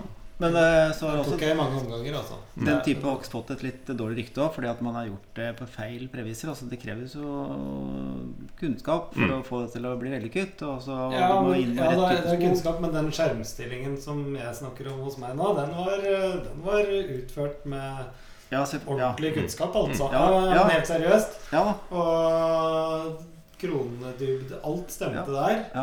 Eh, men allikevel gikk det gærent, og det kan være fordi det var eh, Mm. den vindkula som Mm. kom og, og sånt noe. Men for um, Men foryngelsen under ble bra, da. Den er jo naturlig. Da sparte du noen eh, Ja, ja. Så sånn sett så er jo den ungskogen som står der, står Mm. der nå, det er jo et resultat av Ja. den skjermen. Men det koster mye å ta ut og berge av Ja, for det ble jo mange omganger. Ja. Så sånn sett så var jo det en lukket hogst. Men, men generelt, da, med begrepsbruken, så har på en måte den lukkede hogst fått dårlig rykte. Eh, For å ble dimensjonshogst-tida, ikke sant? Mm. Og sånn gjennomhogster, det går ikke. Det bør bare utarme skogen. Mm. Eh, Men eh, det kan Det er vel ganske sterke eller indikasjoner på at det kan gjennomføres med suksess. Mm. Det, og uten at det går altfor mye utover produksjon og inntektene. Mm. Ja, på en, på en viss del av arealet, ja. Ja. Men jeg tror også, så tror jeg det er litt sånn også at den forrige gangen vi hadde denne bølgen med lukket hogst, som man prøvde særlig når vi nå sitter i, i gamle Hedmark, eh, det var jo på det triste 90-tallet. Og jeg tror også at en av driverne der var Først så var det litt tidlig denne fullmekaniseringen, tross alt. Jeg tror ikke, tror ikke sjåførene hadde samme kunnskapen da som nå. Og så var det jo det triste 90-tallet hvor vi skulle spare planting. Ikke sant? Ja. Det var en driver, antagelig. Da, skulle man skjære ned på alle investeringer. Ja. Så jeg tror det er sånn sett at eh, mange av de feltene som ble etablert under litt eh, ymse betingelser. Men, men allikevel, det som er litt interessant, da, det er at parallelt med dette så snakker man jo om at grana holder på å dø ut pga. klimaendringer. Og, og vi opp, altså, tidligere så hadde vi en sånn vindkule som vi hørte faren vår snakket om. ikke sant? For det hadde vært en vindkule på 60-tallet. Nå er dette tre ganger hver høst. mm. På, fra forskjellige vinkler. Så, hvordan, så, så det perspektivet der, at det å overholde, da, eh, som vi kaller det, å utsette hogsten da, på gamle trær, mm. og i tillegg glisne dem veldig ut og gjøre dem stormsvake Eh, Det er jo to, to diskusjoner som du liksom må ha med i samme drøfting. Da. Og, og, og det der er også at ikke noen som er, det er mange som er opptatt av at vi skal berøre minst mulig av naturen. Altså Hvis vi skulle ta ut 10-15 millioner kubikkmeter i et lukket togsystem da, all over, så måtte vi jo tross alt ha et, et hogstareal da, som var en fire-fem ganger større hvert år enn det vi har. Jeg tror ikke det hadde vært mulig å gjennomføre uten et tettere bilveisnett. Nei. Eh, Og traktorveier. Og traktorveier, ja. Så, så, så, så, liksom det skogbruket som I tillegg, så selv om det er mulig å gjøre det med forskjellige tre- treslag, så er det ikke noe tvil om at det favoriserer skyggetålende treslag. Så det hadde jo vært et veldig sånn eh, gran, Altså blitt et granfavoriserende skogbruk. Og det, så, så, det, så de som gjør seg mest til talsmenn for den type skogbruk, da, de de har jo ikke satt seg så nøye inn i premissene for dette. De tenker bare at nei, men det må være fint, for da slipper, da slipper denne moskogen som du begynte med på samtalen, å bli borte. Da er problemet løst. Jeg var jo litt sånn konsulent her for eh, en sånn eh, forening eh, som driver med bygningsvern og sånt. Og da er det det med materialbruk, da. Og da er de jo ute etter gammel furu. Men de også er jo på det der lukket hogst-sporet. Og da var det liksom det der Hvordan skal man finne noen skogområder som man kan teste ut det her da? Og da, da var det en som hadde skrevet at, eh, og sakset litt sånn etter eh, forskningsartikler som passet, passet eh, malen. Og da var, det, da var liksom oppskriften at her skulle vi drive skjermstillingsvokst av furu. Og så skulle den uh, tynnes ut uh, jevnt og trutt. Og så ble det kjempefint furu i neste omløp. Mm. Uh, men hva er det som skjer i en sånn uh, furumo på F14 eh, hvor det står eh, masse furu, og så driver du og tar ut furua innimellom, og så kommer det sånne smågraner oppunder. ikke sant? Mm. Så det, det blir jo granskog. Mm. Det blir granskog. Og det, blir jo sagt i Norden at vi, Norden granifiseres. Mm. eh, Granifieres. Ja, ja. At det blir for mye gran som vokser på dårligere mark. da Og gran er et klimakterslag, så det vil overta til slutt og sist. Ja, men Hvis du tar en sånn F14-bonitet, der, der blir jo furua fantastisk, men der Mm. trives jo også grana Ja. like godt. Mm. Eh, og da er det ingen tvil om hvem som vinner. Ja, men det er liksom um, Det er jo grana. Ja. Mm. Og forutsetningene da, for det er klart det å ha en stormtørk skog, det er ganske viktig. For det Mm. hjelper ikke om det er gjort eh, å investere og sånn hvis det blåser ned. Så uh, da, Og det er også litt sånn premissene for hva som er lønnsomt. eh, eh, hva er en stormsterk skog? Og da mener jo de som driver med eller ta- taler for lukkede hogster at det, sånn gjennomhøye skog blir mer stormsterk. Mm. Men eh, i den etter stormen Gudrun i Sverige så var ikke det nødvendigvis eh, det det viste seg. Eh, også En godt pleid skog hvor du gjør ungskogpleie og gjør alt riktig, er like stormsterk som eh, en gjennomhogget skog ellers. Mm. Så det er liksom eh, at vi opererer, da, ettersom hva slags leir du er i, med, med ulike forutsetninger. Og det ene kan virke tilforlatelig når den ene sier det, og den andre virker like tilforlatelig når den andre sier det. Vi må liksom bli enige om hva som er eh, eh, premissene, da. Mm. Før vi kan bli helt enige, og før Nattevernforbundet har uh, mission accomplished. ja, det, det, det, med, det med storm er jo et veldig interessant tema. For det som er det som er det typiske med storm, det er jo at eh, det, selv om vi nå sier det blåser oftere og oftere, så er det jo tross alt nokså sjelden at det er store stormer. Eh, og de er aldri på samme sted, eh, og de kommer fra forskjellige vinkler, og de kommer på forskjellige årstider. Sånn at hvis man går gjennom den forskningen som er på storm, så finner man jo akkurat det den ene undersøkelsen sier at det var veldig fordel med lauvinnblanding, for da blåste det mindre ned. Og den neste undersøkelsen, som da f.eks. kommer etter at lauvet har falt av, så sier de at ja, her, opp, her var lauvtrærne så ut som ble da sånne høl i bestandet. Mm. Sånn at da, da økte storm. Eh, og så er det sikkert helt veldig forskjell på om stormene kommer fra øst eller vest eller syd eller nord. Eh, at eh, da oppfører jo alt så forskjellig, og hvor det kom. Sånn at, så sannheten på, på dette med stormforskning det er at der er det litt grad av kunnskap og veldig stor andel hypoteser. Eh, og så er det da noen da forskere som er mer menings, føler seg mer meningsberettigede i- i- enn andre, og så sier at sånn er det. Og det, det mest typiske eksempelet man snakker om nå, det er dette hvor man sier at eh, økosystemer da, med stort mangfold er så robuste. Ikke sant? Eh, som jo åpenbart stemmer, i den forstand at, eh, det, det at på sånn overordnet eh, system så er det jo naturlig å tenke seg at ulike arter utfyller hverandre og utnytter forskjellige nisjer og sånn. Og at det da blir mer motstand, du får spredd individene og sånn. Men, men derfra til å, til å liksom tenke Og så er er det jo lett å skjønne at har du et, et rent granbestand, og det kommer en eller annen skadegjører som angreper gran sterkt, ja, da har du ikke lenger noen granbestand, og da var det veldig lite motstandsdyktighet. Men hvis du setter det litt på spissen og så sier du at blir de granskogene eller de grantrærne da, blir de veldig mye mer eh, motstandsdyktige mot disse skadegjørerne at du sprer dem litt forskjellig rundt. For det er jo det det ofte handler om. Det er jo måten Vi skal, ha de, vi skal dyrke de samme trærne. Vi skal hogge en 10-15 millioner kubikkmeter i Norge med gran og furu. Så spørsmålet er jo hvordan vi skal fordele det rundt på arealet. Og har vi egentlig noe sikker kunnskap om det lønner seg å ha annenhver gran, furu og bjørk liksom, bortover? Det eneste vi vet, er at bjørk produserer mye mindre. Vi vet at det plager gran og furu som står ved siden av, skjøtselsmessig. Og så vet vi at det ikke har noen industriell verdi i Norge. Det vet vi. Så kan man si at ja, men det kan ikke stemme, for hvis du reiser og kjenner en som pleier uh, hengebjørka si veldig godt, det er så fine trær Ja, men han driver med nisjer. Og nisjer vil jo alltid være De som leverer kjøtt direkte til en restaurant, de vet jo det at her er det penger å tjene, men hvis alle bøndene i Norge hadde gjort det eh, Da hadde det skjedd noe med prisen. da, da, da hadde ikke restauranten betalt så veldig mye mer. så, så det er liksom det, den definisjonen på nisje Det er jo sånn Gunnar Stordalen driver òg. Reiser til en bonde som driver med en nisje og sier at se her, det er mulig. De gjør det jo. Ja. Eh, Men det er klart du kan ikke basere et helt skogbruk heller på nisjer. Og så, og så tror jeg man må være litt ærlig på det der at eh, vi har produksjon Altså For at du skal drive industriell produksjon, så må du ha en viss mengde av råstoff. Og så må det råstoffet være ganske homogent. Og så må det også, særlig skal du bruke det til bygningsmaterialer, så må det være ganske rett. Det må, må ikke ha så veldig mye feil, som de kaller det på sagbruket. Og sånt nå. Eh, Og i tillegg, hvis vi skal produsere den type industriråstoff i Norge, så må vi kunne gjøre det relativt billig. For vi er et ekstremt høykostland, så vi kan ikke ha trær som du må skjøtte liksom eh, fjerde hvert år. Sånn som du kan ha hvis du har teakplantasjer i Syden eller noen sånne steder. Eh, og, og da har vi det problemet i Norge at vi har ikke andre treslag egentlig enn gran og furu som tilfredsstiller disse kravene.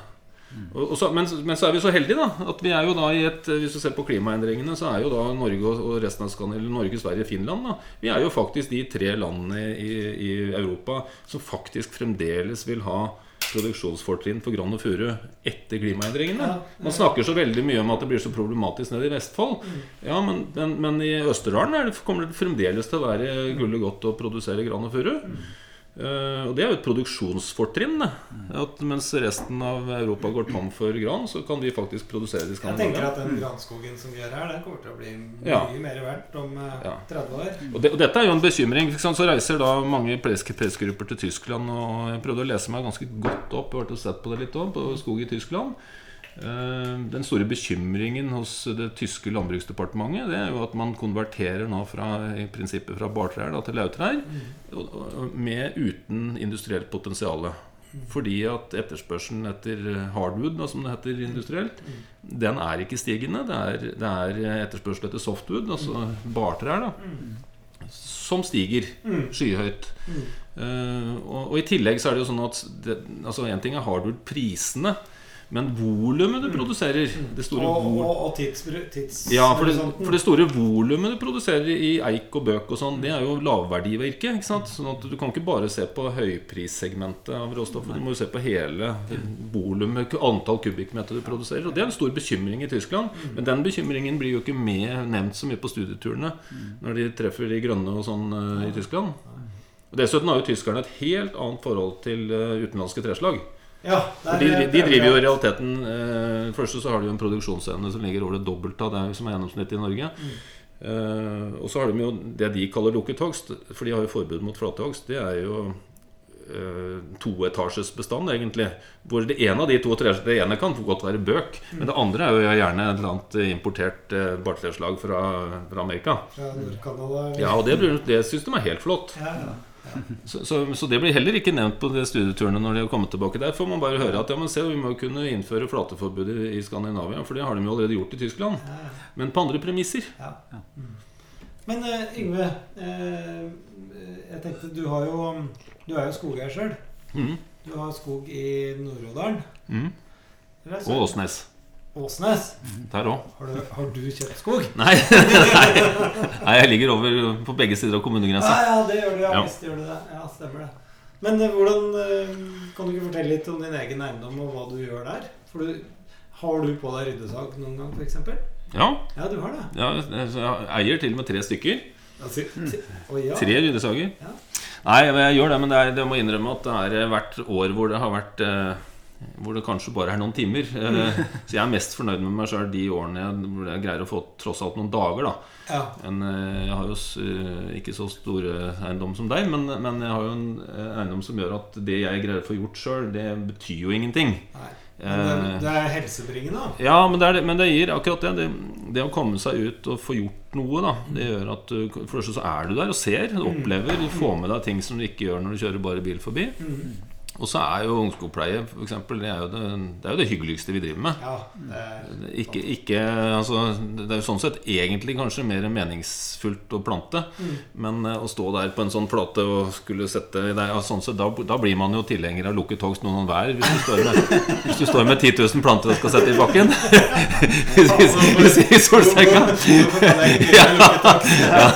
Så det er sånn sett ungskogpleie som er litt mer eh, fleksibelt på tidspunkt, og, og, og hvor du virkelig hvor, hvor fra den ene dagen til den andre går fra en ustelt skog til en velstelt skog. Ja, du ser resultatet Ja, det er jo det er, det er sånt hvor du, hvor, hvor du går tilbake. Så det er jo de feltene, de, de tre dekarene der og det ene dekar der som jeg har gjort sjøl, det er jo de jeg går oftest og ser på. Det. Så, men, det- men det er for er altfor lite tid, Det altså. er mest gran. Ja, det er det med tid. Men det er, det er mest gran hos deg, er det ikke det? Nei, Jeg har jo en sånn typisk sånn middelsbonitet eh, eiendom, så jeg har sånn Jeg tror jeg er som eh, gjennom, nær sagt landsgjennomsnittet sånn 60-40 Å ja. Grand furu. Ja. Men har du noen sånn spesiell forvaltningsstrategi? Sånn helt klar? At det, øh, forholder du deg til et balansekvantum? Eller hører du når priser er på topp? Eller følger du økonomisk hogstmodenhet? Eller har du noen sånn klar strategi? Ja, men jeg har eh, på sånn måte vært både heldig og heldig, da, for den eiendommen som jeg sitter på, den har historisk sett betent mye gjeld. Eh, Så det gjør at uh, i min eiertid så har jeg bare hogd uh, si, små deler av tilveksten. Fordi at uh, Ja, fordi at hogstklassesammensetningen har vært som den har vært. da Så da har egentlig ikke det vært noe stort problem. Så jeg har vel egentlig ligget sånn i snitt på, på kanskje hogd en tredjedel av tilveksten. Jeg, og da har det egentlig vært et Så det er egentlig det har vært å prøve å husholdere med den gamle skogen jeg har hatt, som egentlig har vært eh, Du har hatt en ganske grei realrente da, på skogen din. Ja, sånn sett, ja. Ja, det er helt riktig. Eh, Så, så, jeg vil si at egentlig det der, det der at man må ha en forvaltningsstrategi på hogstføring, det er egentlig et problem som jeg ser egentlig oppstår nå. For nå har jeg fått veldig mye skog da i, Stakkars. i hogstklasse 4. Og, altså egentlig, ja, egentlig hogstklasse 4. Og hva gjør man med den, da? For å, for å unngå da at man havner i samme uføre i neste generasjon igjen. da Ja, at det blir Må starte på ny. Ja, Mm. at, eh, så, så for liksom, Sånn at det er annenhver, annen generasjon som skal hogge tømmer. Det er jo ikke helt bra, det heller. Så, så det er en sånn utfordring. Som er, så det er, det er et fenomen jeg har begynt å diskutere med meg sjøl nå i det siste, egentlig. Men da har du eh, egentlig en tanke om at du skal jevne ut hogsten? At det skal være en jevn eh, hogst i, over tid? da For at eh, hvis det, det, du har veldig mye firer som om eh, ti år faktisk alt sammen er forenter seg, så, eh, begynner å dabbe, så skal du jo rent økonomisk eh, hugge alt sammen. Og da, men så tenker du at eh, neste generasjon kommer i uføre med at de da ikke har skog. Men hvis du da plasserer de penga eh, fornuftig, så vil jo det være økonomisk riktig. Mm. Men likevel så det, det er jo en tanke som sitter i ryggmargen. At det, Ja, så er det det med arealet, da. Det blir jo så Ja. svært areal, ikke sant? Ja. Ja, for jeg tenker, tenker akkurat det der som han sa, han, han i koronatiden, han eh, svenske epidemiologen som sa det at man skulle, ja, man skulle plana ut, eh, plana ut kurven, sa? Så det er, så er akkurat det jeg tenker litt også. Det sånn, sånn? Som vi snakket om litt tidligere, at eh, det er ingen skogeiere som liker hogstflater. Så sånn intuitivt så, så ønsker jeg å, å la den fireren da stå der. Mm. Eh, fordi at jeg vet jo hvilken verditilvekst den har. Eh, nå ser jeg jo vel nok eh, at man begynner da en god del av det er gran. Begynner å kjøre med høy risiko. Eh, fordi at eh, både med biller og storm så er det høy kan du ikke overholde furu, og så ta, begynner du med grana? jo, men så er det problemet som Hvis du ser på et mer sånn landsdelsperspektiv, da, så, så har vi jo, er jo ikke noe tvil om at i Innlandet nå så har vi en viss overavvirkning på gran. Mm. Eh, Så vi må jo egentlig dreie hogsten mer over på furu. Ja. Vi ligger sånn akkurat omtrent på, på det som ville vært eh, Som er sånn bærekraftig nivå. Omtrent akkurat, men, men, vi, men litt fordreid mot gran. Så, så jeg, jeg tenker akkurat på det der at, eh, at, at hvis jeg sitter og har den samme strategien som jeg har hatt de foregående 25 årene, så, så vil jeg plutselig sitte der med en eiendom som har 50 hogstmodent eh, areal. Mm. og, og, det, og det er jo ikke bra for noe. Og, og med ekstrem risiko. Ja, ja, for det kan jo blåse ned. Det kan jo blåse ned i morgen. altså, Ja, men da, må du, da må du hugge det. Da er litt overrasket. Jeg tenkte at du var litt mer hardcore eh, økonom. Og du kunne jo da, hvis det faktisk er eh, hogstmodent rent økonomisk, sjøl om det er store arealer, Så kunne du da realisert det, og så kunne du kjøpt, det, kjøpt en annen skog da, med, de, Mm. med de penga. Og kunne opprettholdt eh, hvis du har For det er jo et fritt, fritt marked på kjøp og salg av skog i Norge. Det Nei, det, velfungerende Men eh, en eller annen næring som ga samme kontantstrømmen, på en måte, da. Det, det ville jo være sånn eh, riktig. Det ville kanskje Men det er, eh, det er jo gjenkjennelig det du sier. Og man vet jo det at det, det å ha en jevn strøm er eh, både disiplinerende og kanskje lurt, da. Og så tror jeg så er det et perspektiv Da tenker jeg ikke spesielt bare på min egen eiendom, men jeg tenker litt sånn generelt også at eh, Og det er jo, det er jo et dilemma. eh, Vi har vært touchet innom fredning. For det er klart at økonomisk sett så kan det være veldig lønnsomt å frede en skog. eh, Helt konkret. Det, jo, det stemmer jo ikke dette som blir sagt i media om at fredningsvederlagene er så fantastisk høye, så det er liksom Det er, ikke- det er no-brainer. Det er jo kjempehøyt. Ja, dere syns det selvfølgelig, dere synes det selvfølgelig er for høyt, men det er jo jobben deres. Men, men, men det som er et sånt, litt sånn verdimessig dilemma, at de arealene er tatt ut av produksjon. Det blir ikke noe befolkning på landsbygda av det. For de penga er gone. eh, Og de forlater eiendommen. Sånn at det der å ha Så, så det perspektivet også, det der å ha eh, det der å ha en jevn virksomhet da, i skogene på bygda, det, det, det De har jo tjent bygdene i hundrevis av år.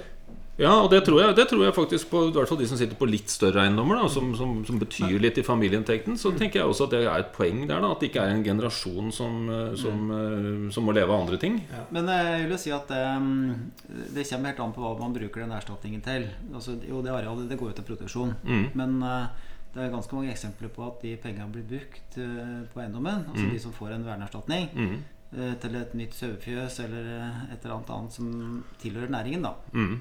Så sånn sett så Men det kan du si, det kunne man gjort likevel. Det er bare snakk om hvor du skal få de pengene fra. Mm. Og det arealet som blir vernet, går jo faktisk ut av produksjon. Eh, Men vi skal nå tross alt etter hvert ha 10% av skogkledte arealet som, for å ivareta ikke bare kubikk.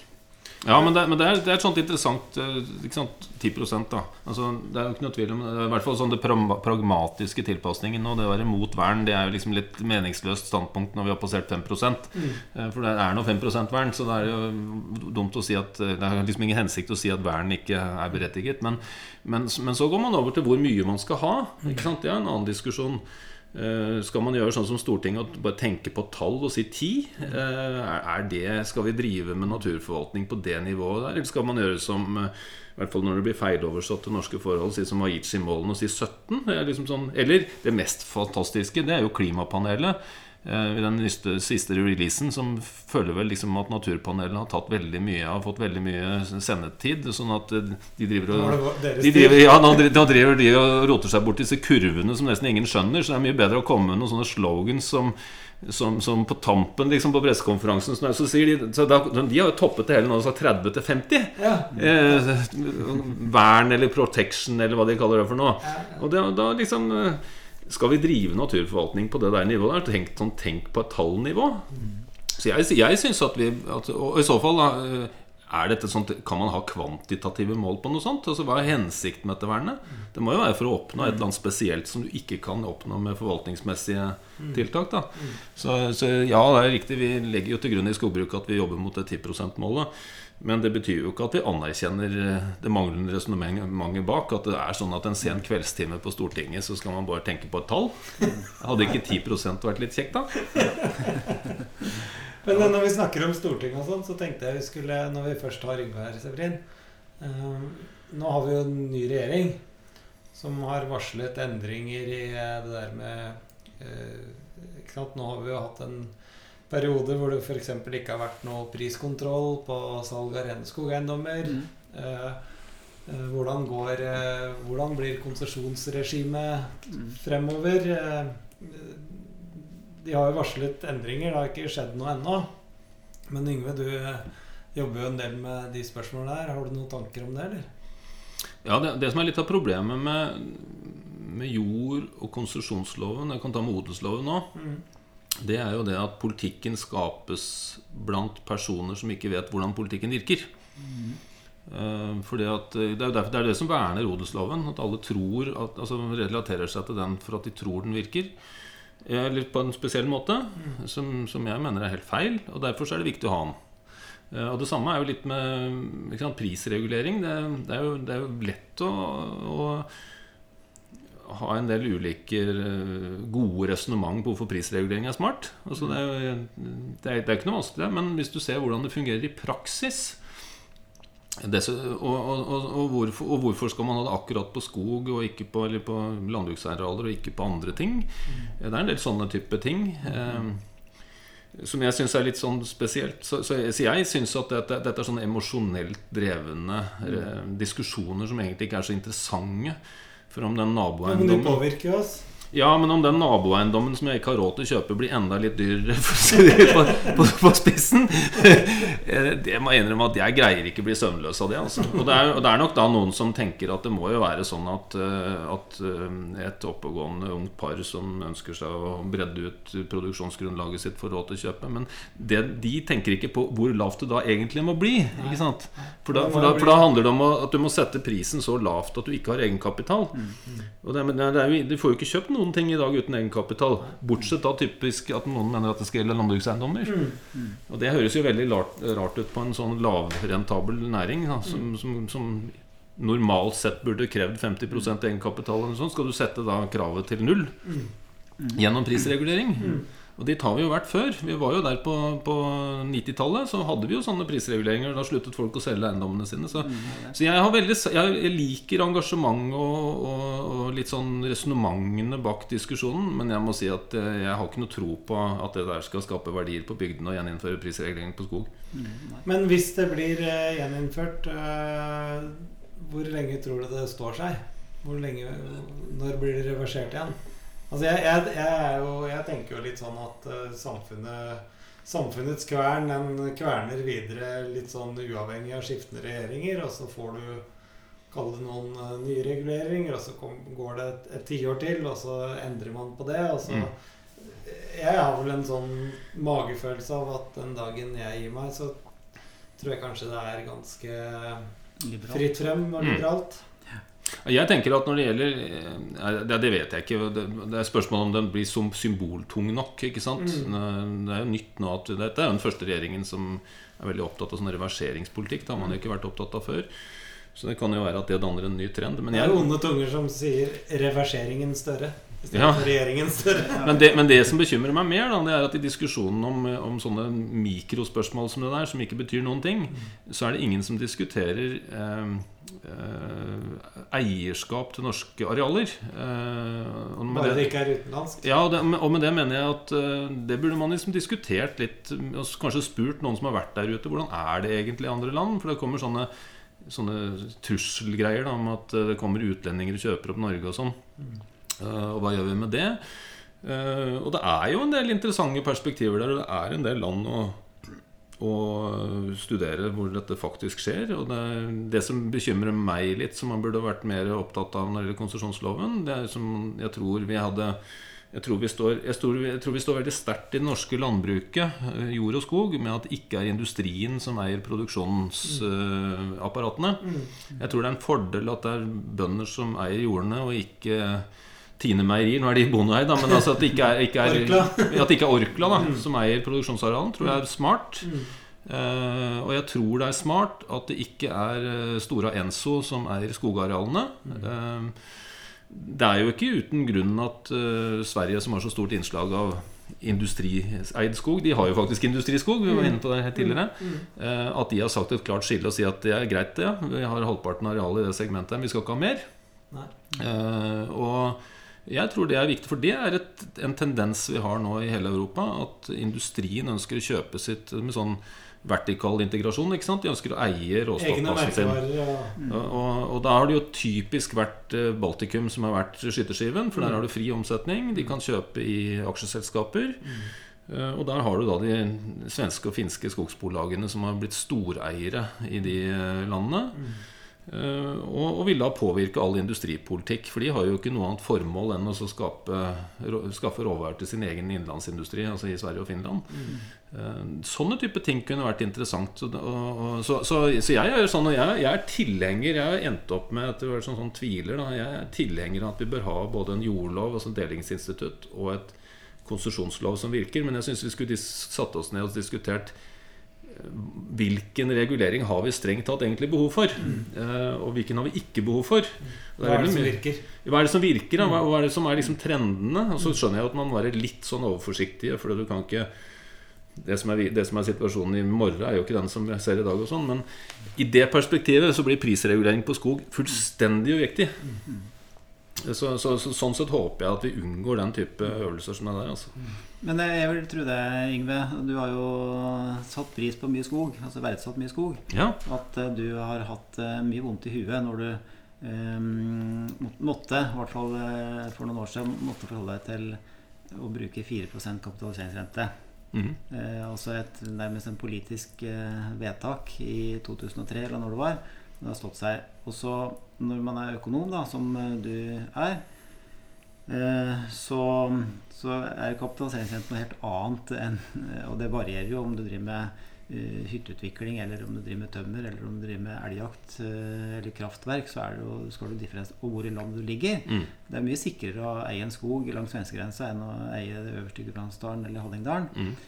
Um, og så ble det jo slutt på da, prisregulering på skog i 2017. Mm. Uh, og da har vi sett hva markedet faktisk verdsetter her til. Eh, og det blir jo sånn tommelfingerregelaktig sagt, og det vi har observert, at det, det, prisene stemmer bedre med 2,5 mm. eh, enn 4% i hvert fall. Um, og det, det, er jo høye priser på eiendommer. Men også litt sånn hva, hva reflekterer dem det, det, er helt åpenbart at skog oppfattes som en sikker eh, investering. Mm. Og den, vekst, den, er fysisk, og den vokser med 2-3% i året. Altså bare, re, reelt sett så du har realrente på 2-3 uansett. Mm.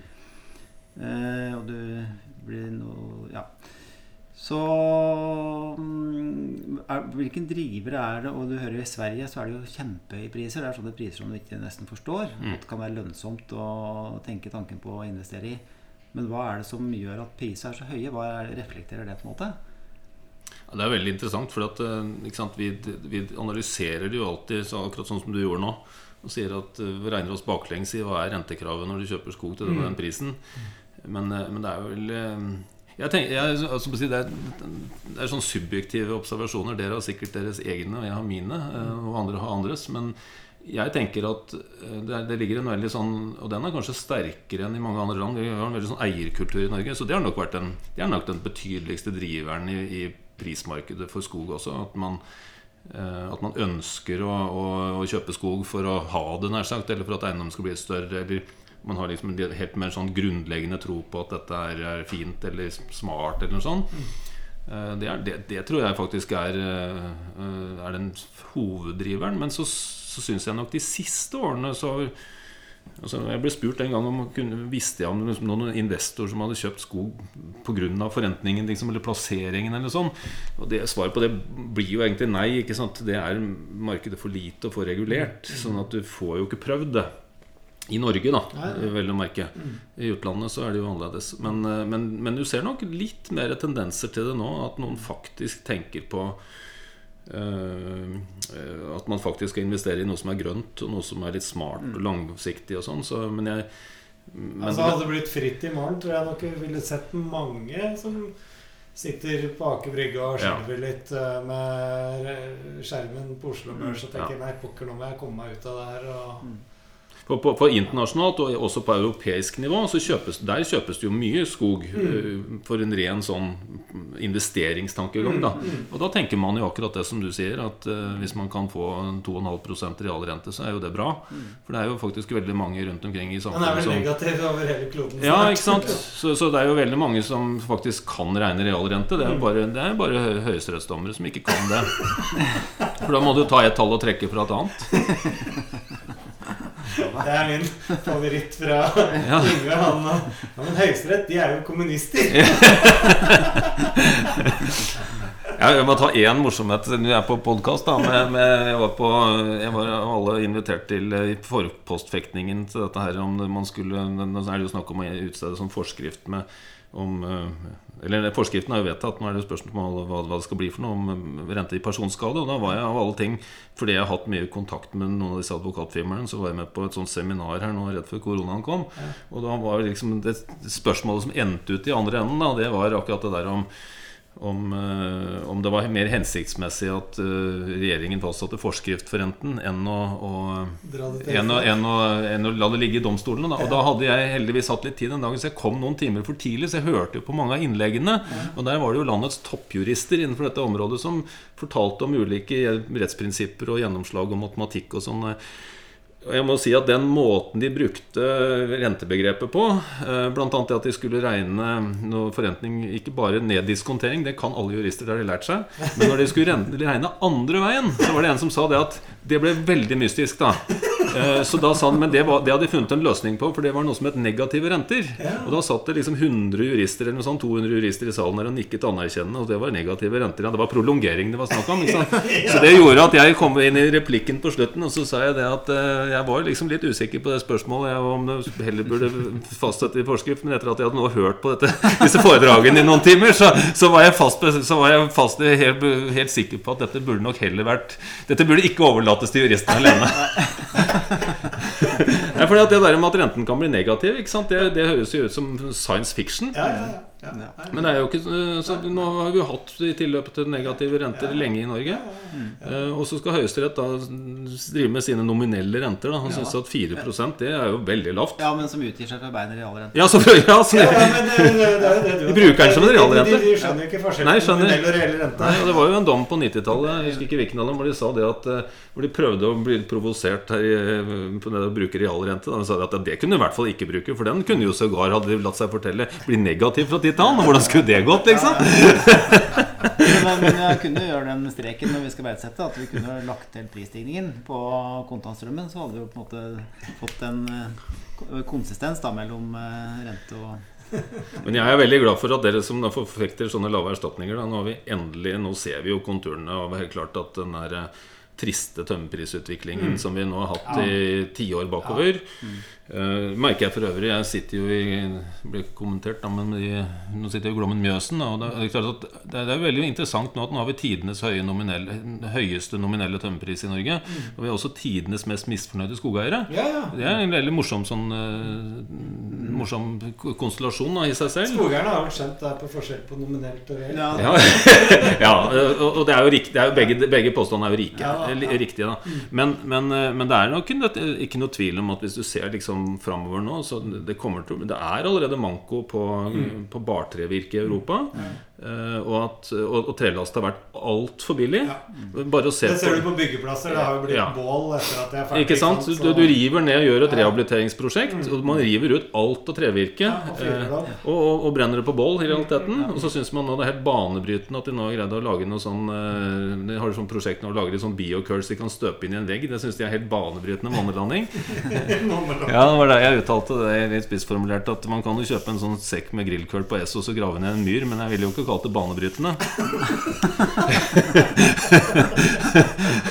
så, så, så, der er jo litt av, av, av problemstillingen. Altså at uh, Vi ser nok et gjennombrudd nå på at den type råvarer kan ikke være gratis lenger. Uh, og, da, og, da, vil jo faktisk Nei. dette henge så Du behandler materialene med mer respekt. Ja. Jeg ser det selv. Jeg driver og skal lekte opp et tak og sånn, og ja. kjøpt, kjøpt skulast. Og da, da, det skal ikke være mye kapp her, altså. Nei, Nei. Nei du må tenke annerledes. Ja, nå er det plutselig, plutselig lønnsomt å hogge noen stokker sjøl, og så få naboen som har en bygdesak, til å skjære av det. Mm. For det, det, bryet har vært for stort før, liksom. Til, ja. mm. Men nå er det faktisk noe å drive med. Mm. Nei, jeg er enig med deg, Ingrid. Jeg er helt enig at det handler litt om respekt for noe som man bruker 100 år på å mm. produsere. Det skal jo ikke være gratis. Nei. Og det, det, som på en måte traff markedet litt som et sjokk, var at den prisstigningen gikk på to år istedenfor mm. på 20 år. Den mm. burde jo vært eh, Den burde jo fulgt den generelle prisstigningen, mm. så hadde ingen på en måte tenkt noe over det. Men det kom på halvannet år, og da fikk alle sjokk. ikke sant? Og det er jo Eh, Hvis du ser på Det var jo oppslag i DN i går, var det vel? Da var det bilde av daglig leder i Boligpartner, og det var jo trelastprisen som Mm. ble dratt fram. Mm. Ikke at uh, stål er blitt dyr, eller betong er blitt dyr, eller eh, Ja. Men det som er, det som er liksom veldig interessant med den diskusjonen der da, om trelastpriser For de snakker bare om trela- Lag merke til at de snakker bare om byggvarepriser. De snakker ikke om at, eh, at bleiene blir dyrere. ikke sant? Og At det, er også, at det er samme produktet, på en måte. Samme verdikjeden. Eh, men, men ikke sant, ingen diskuterer med at hva er, Så var det jo en eller, annen, en eller annen journalist som fikk det der svaret akkurat i mai, da det prisen gikk, da, om at eh, det måtte skyldes barkbiller i Canada.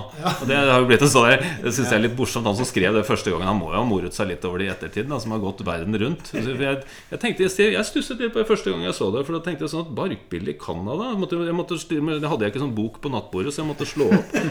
Det, det, det var riktig som jeg husket, at de begynte jo å bre seg ut på 90-tallet. Og, og, og liksom Og hvorfor skulle det eksplodere, liksom I eh, 2020? ja, og, I mai måned, liksom!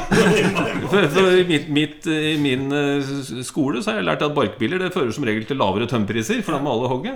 Så, så det er klart det er jo en, Men det er jo en, baken, en av de mange bakenforliggende driverne. da Men, men det, er jo, det er jo ren, det er jo bare akkurat samme årsaken til at det blir dyrere å kjøpe sykkel på XXL. Det er jo så enkelt. Eh, Tilbud og etterspørsel. Men, men allikevel så er det et oppdømmet Altså Prisene har jo vært for lave. Prisene på trelast har stått stille i mange, mange år. 20 år. Eh, og sånn kan det jo ikke fortsette. Så, så, så det er jo en sånn ting Nå vi har bransjen fått opp et stort bransjeprosjekt nå som heter Sirk3, som skal gå på å resirkulere mer uh, materiale fra byggeplasser og sånn. Eh, men det er klart det er ingenting som, dri som hjelper så godt som at eh, materialprisene blir dobla. Nei. Da begynner folk Ja, for da begynner det jo å bli interessant i seg Ja, selv. det, er, det er sunt, rett og slett. Ja. Det sånn. Så det er jo litt av utfordringen. Og det er jo sånn er det jo med alle markeder. ikke sant? Det er jo, altså Jeg blir spurt hvorfor kan vi ikke satse mer på bioenergi med, med skogsflis og sånn. Ja, Det har jo vært for at strømprisene har vært for lave. Men du ser jo at når strømprisene blir litt høye, så er jo det gærent òg. Da det gjør plutselig alternativene mulig lønnsomme. Men da skal vi løse det med å subsidiere strømprisene, da. Og det som er synd da, da for det er jo den samme trellassprisene, at når vi får en etterlengtet og høyst nødvendig økning av byggvareprisene og trellassprisene, så eksploderer selvfølgelig prisene. Sånn at det blir helt ukontrollert og altfor høyt. Eh, Og da mister man jo på en måte eh, kraft i diskusjonen. Da, for da, da er det jo et problem for alle. Samme er det med strømprisene. Så det er en veldig interessant sammenfallende debatt. Men igjen, og denne diskusjonen er litt knyttet sammen med det vi har diskutert før. Og Diskusjonen om høye trelastpriser burde jo da vært koblet sammen med hogst. For det eneste måten du kan få ned trelastprisene på, det er jo å produsere mer trelast. Det, det er jo lett å skjønne. Eller så kan det selvfølgelig noen kan jo komme at man kan rasjonere det, eller sånn. Eller at staten kan betale halvparten, eller et eller annet sånt. Halvparten av plattingen. Ja, ja. Du kan, ja. Du kan jo finne på sånne løsninger, selvfølgelig. Men, men, men det eneste måten er rett og da, for å øke I og med at alle trærne som eh, hogges i Norge i dag, havner eh, halvparten på et sagbruk, Ja. så må du også hogge flere trær. Ja. Det er, det er ikke mulig å gjøre det på annen måte. Interessant. Vi kunne snakket en Det, time til. det kunne vi, men det, det, fordi at du prater så fort, så kom vi ikke helt innpå med et poeng. i Tre gøsterdør, da. Og det, det er som jeg har lyst til å få fram. Det skal jeg ha fram. Um, jo, spekulasjon på hvorfor eh, ja, pris når det er fri omsetning av skog, da, som i Sverige, Mm. så er prisen uforståelig høy, egentlig.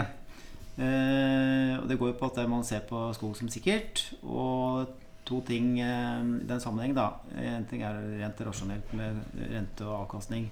Men eh, det er også den derre eh, at eh, skog du kan, du kan, Det er fleksibelt, da. Så Mm. Tømmerressursen er fleksibel. Du kan bestemme sjøl når du skal avvirke. Mm. Det kan godt gå fem år uten at du avvirker. Mm. Eh, har du en kornavling, så må du høste den Mm. eh, på høsten. Og legge. Men, men eh, du kan, hvis du har råd til å være hogge, så kan, kan du egentlig hogge på når det priser er gode. Mm. Og i tillegg til det så veksten mens den står på lager. Mm. Så det gir jo en sånn sikkerhet på Det det er en sikrere mm, Det er et sikrere produkt, da. Mm. Det er det ene. Og det andre er at det, det viser seg over tid at hvis du har arealer, så dukker det opp ting som du ikke legger inn i en verdsettingskalkyle. Eh, For det er jo da tradisjonelt tømmer og jakt og litt hytter og sånn. eh, Koier. Men over tid plutselig så er, er vannkraft i vinden. Mm. Plutselig så kommer det altså på 20 år siden, hvis du hadde sagt eh, i en takstrapport at det, det kommer til å bli vindkraft i Osen, Mm. vindmøller vi ser herifra, så hadde vi ingen trodd på det. Men plutselig så er det en inntektskilde. Mm. Og så har vi hatt eh, frivillig vern, som vi mener i hvert fall gir en, eh, en oppside eh, erstatningsmessig, som kanskje ikke du mener, da. Men eh, det er i hvert fall en eh, det er i hvert fall også en sånn greie som har vært veldig i vinden de siste ti åra, eh, osv. Sånn at det Det dukker alltid opp noe. Ja, du kan ikke legge det inn, for du vet ikke riktig hva det er. Men, men du bare vet at over tid så skjer det et eller annet på eiendommen Mm. som det ikke er lagt inn. Det var det, hva det vil si da. Ja, men det er klart at den, den, det, det er jo det som er grunneierposisjonen. Den opsjonsverdien. da Å Ja. utnytte eh, for, for, for vi ser jo eh, stadig tilløp til, til eh, nye utnyttelsesformer. da så, ikke sant? Først var det da, da, da vi begynte i bransjen, så var det småkraftvann som var eh, tematikken, som plutselig dukket opp. Så har det vært vind.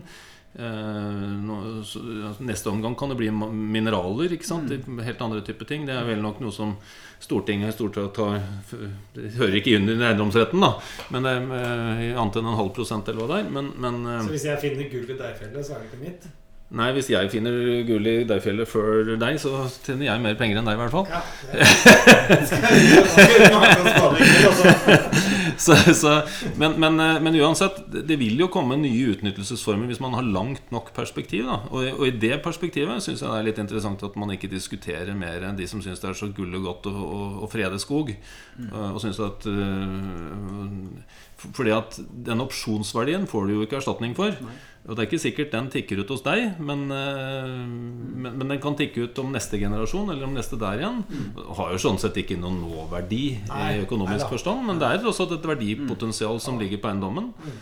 Og vi har jo vært nå i en periode hvor, hvor det har tross alt bare vært denne hogginga og jakt som har representert verdier. Men det er jo et veldig sånn atypisk, en veldig kort periode i, i historien. da før det, før det var det jo beite som kanskje var den Ja, altoverskyggende beite og slåttenger. Og Ja. før der igjen så var det jo jernutvinning, jernmalm. Ja. Se på eiendommen min, det er jo sånne groper overalt. Mm. Må ja. På den annen side så er jeg ikke så naiv når man sier det at uh, det der med buy land og sånn eh, At liksom vel- velstand ligger i arealer. Altså det er, vi må huske på at eh, hvor vi bor. Vi må huske litt på hvor vi bor. Ja. Det, er, det er en grunn årsaken til at arealet blir mye verdt. Det er når du klumper sammen mennesker. Ja, ja, er, Så, og vi er ikke i ferd med å Til tross for at noen naturvernere forfekter det, vi er, vi er nok ikke i ferd med å gå tom for arealer i Norge. Nei. Nei. Ser, er nok ikke det. Nei, vi kunne snakket masse mer. Det syns jeg er veldig morsomt med Yngve. da Det er, um, eh, er at han har humor eh, oppi det. og klare å spissformulere ting og liksom sånn at det blir faktisk veldig morsomt. Selv om eh, noen kan tenke at kapitaliseringsrente er en trøvrig sak eh, kun for eh, nerder. Spesielt Men eh, Flere burde, Yngve flere burde lære, lese om renter. Mm. Ja, har du lest den der eh, boka til han Jan Ludvig Andreassen? Nei, jeg har bare sett omtalen.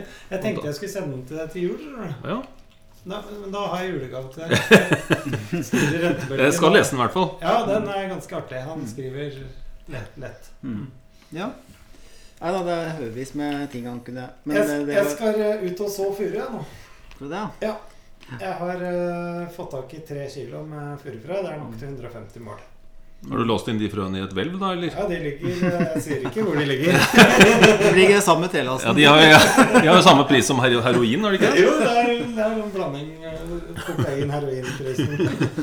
Nei, så det, det gleder jeg meg til. Altså. Så jeg har sånn soddrør og greier som jeg skal ut i ettermiddag utover kvelden. Så da skal jeg så ti mål. Jeg tenkte at det, du, du har litt å gjøre på kontoret, som du egentlig ikke er tid til i dag. Ja, du sa noe der. Men jeg sa i kveld, da. Ja, du sa det. Ja. Du skal få fri i kveld. Takk. Det er greit. Jeg tror vi avslutter, jeg. Ja. Veldig hyggelig, Yngve. Takk for at du Ja, tok deg bryet med å komme hit. Du har jo fått jordbær og jus og kaffe og men, ja. Ja, det er ikke så synd på meg. Han, er han har nesten ikke røkt å spise. Nei, han har ikke det. Han. Ok, takk for oss. Vi kommer eh, Jeg tror ikke vi kommer tilbake før sommerferien nå. Vi har det. Det får vi nå se på. Det får vi nå se. på. Ok, takk for nå. Ha. Ha det.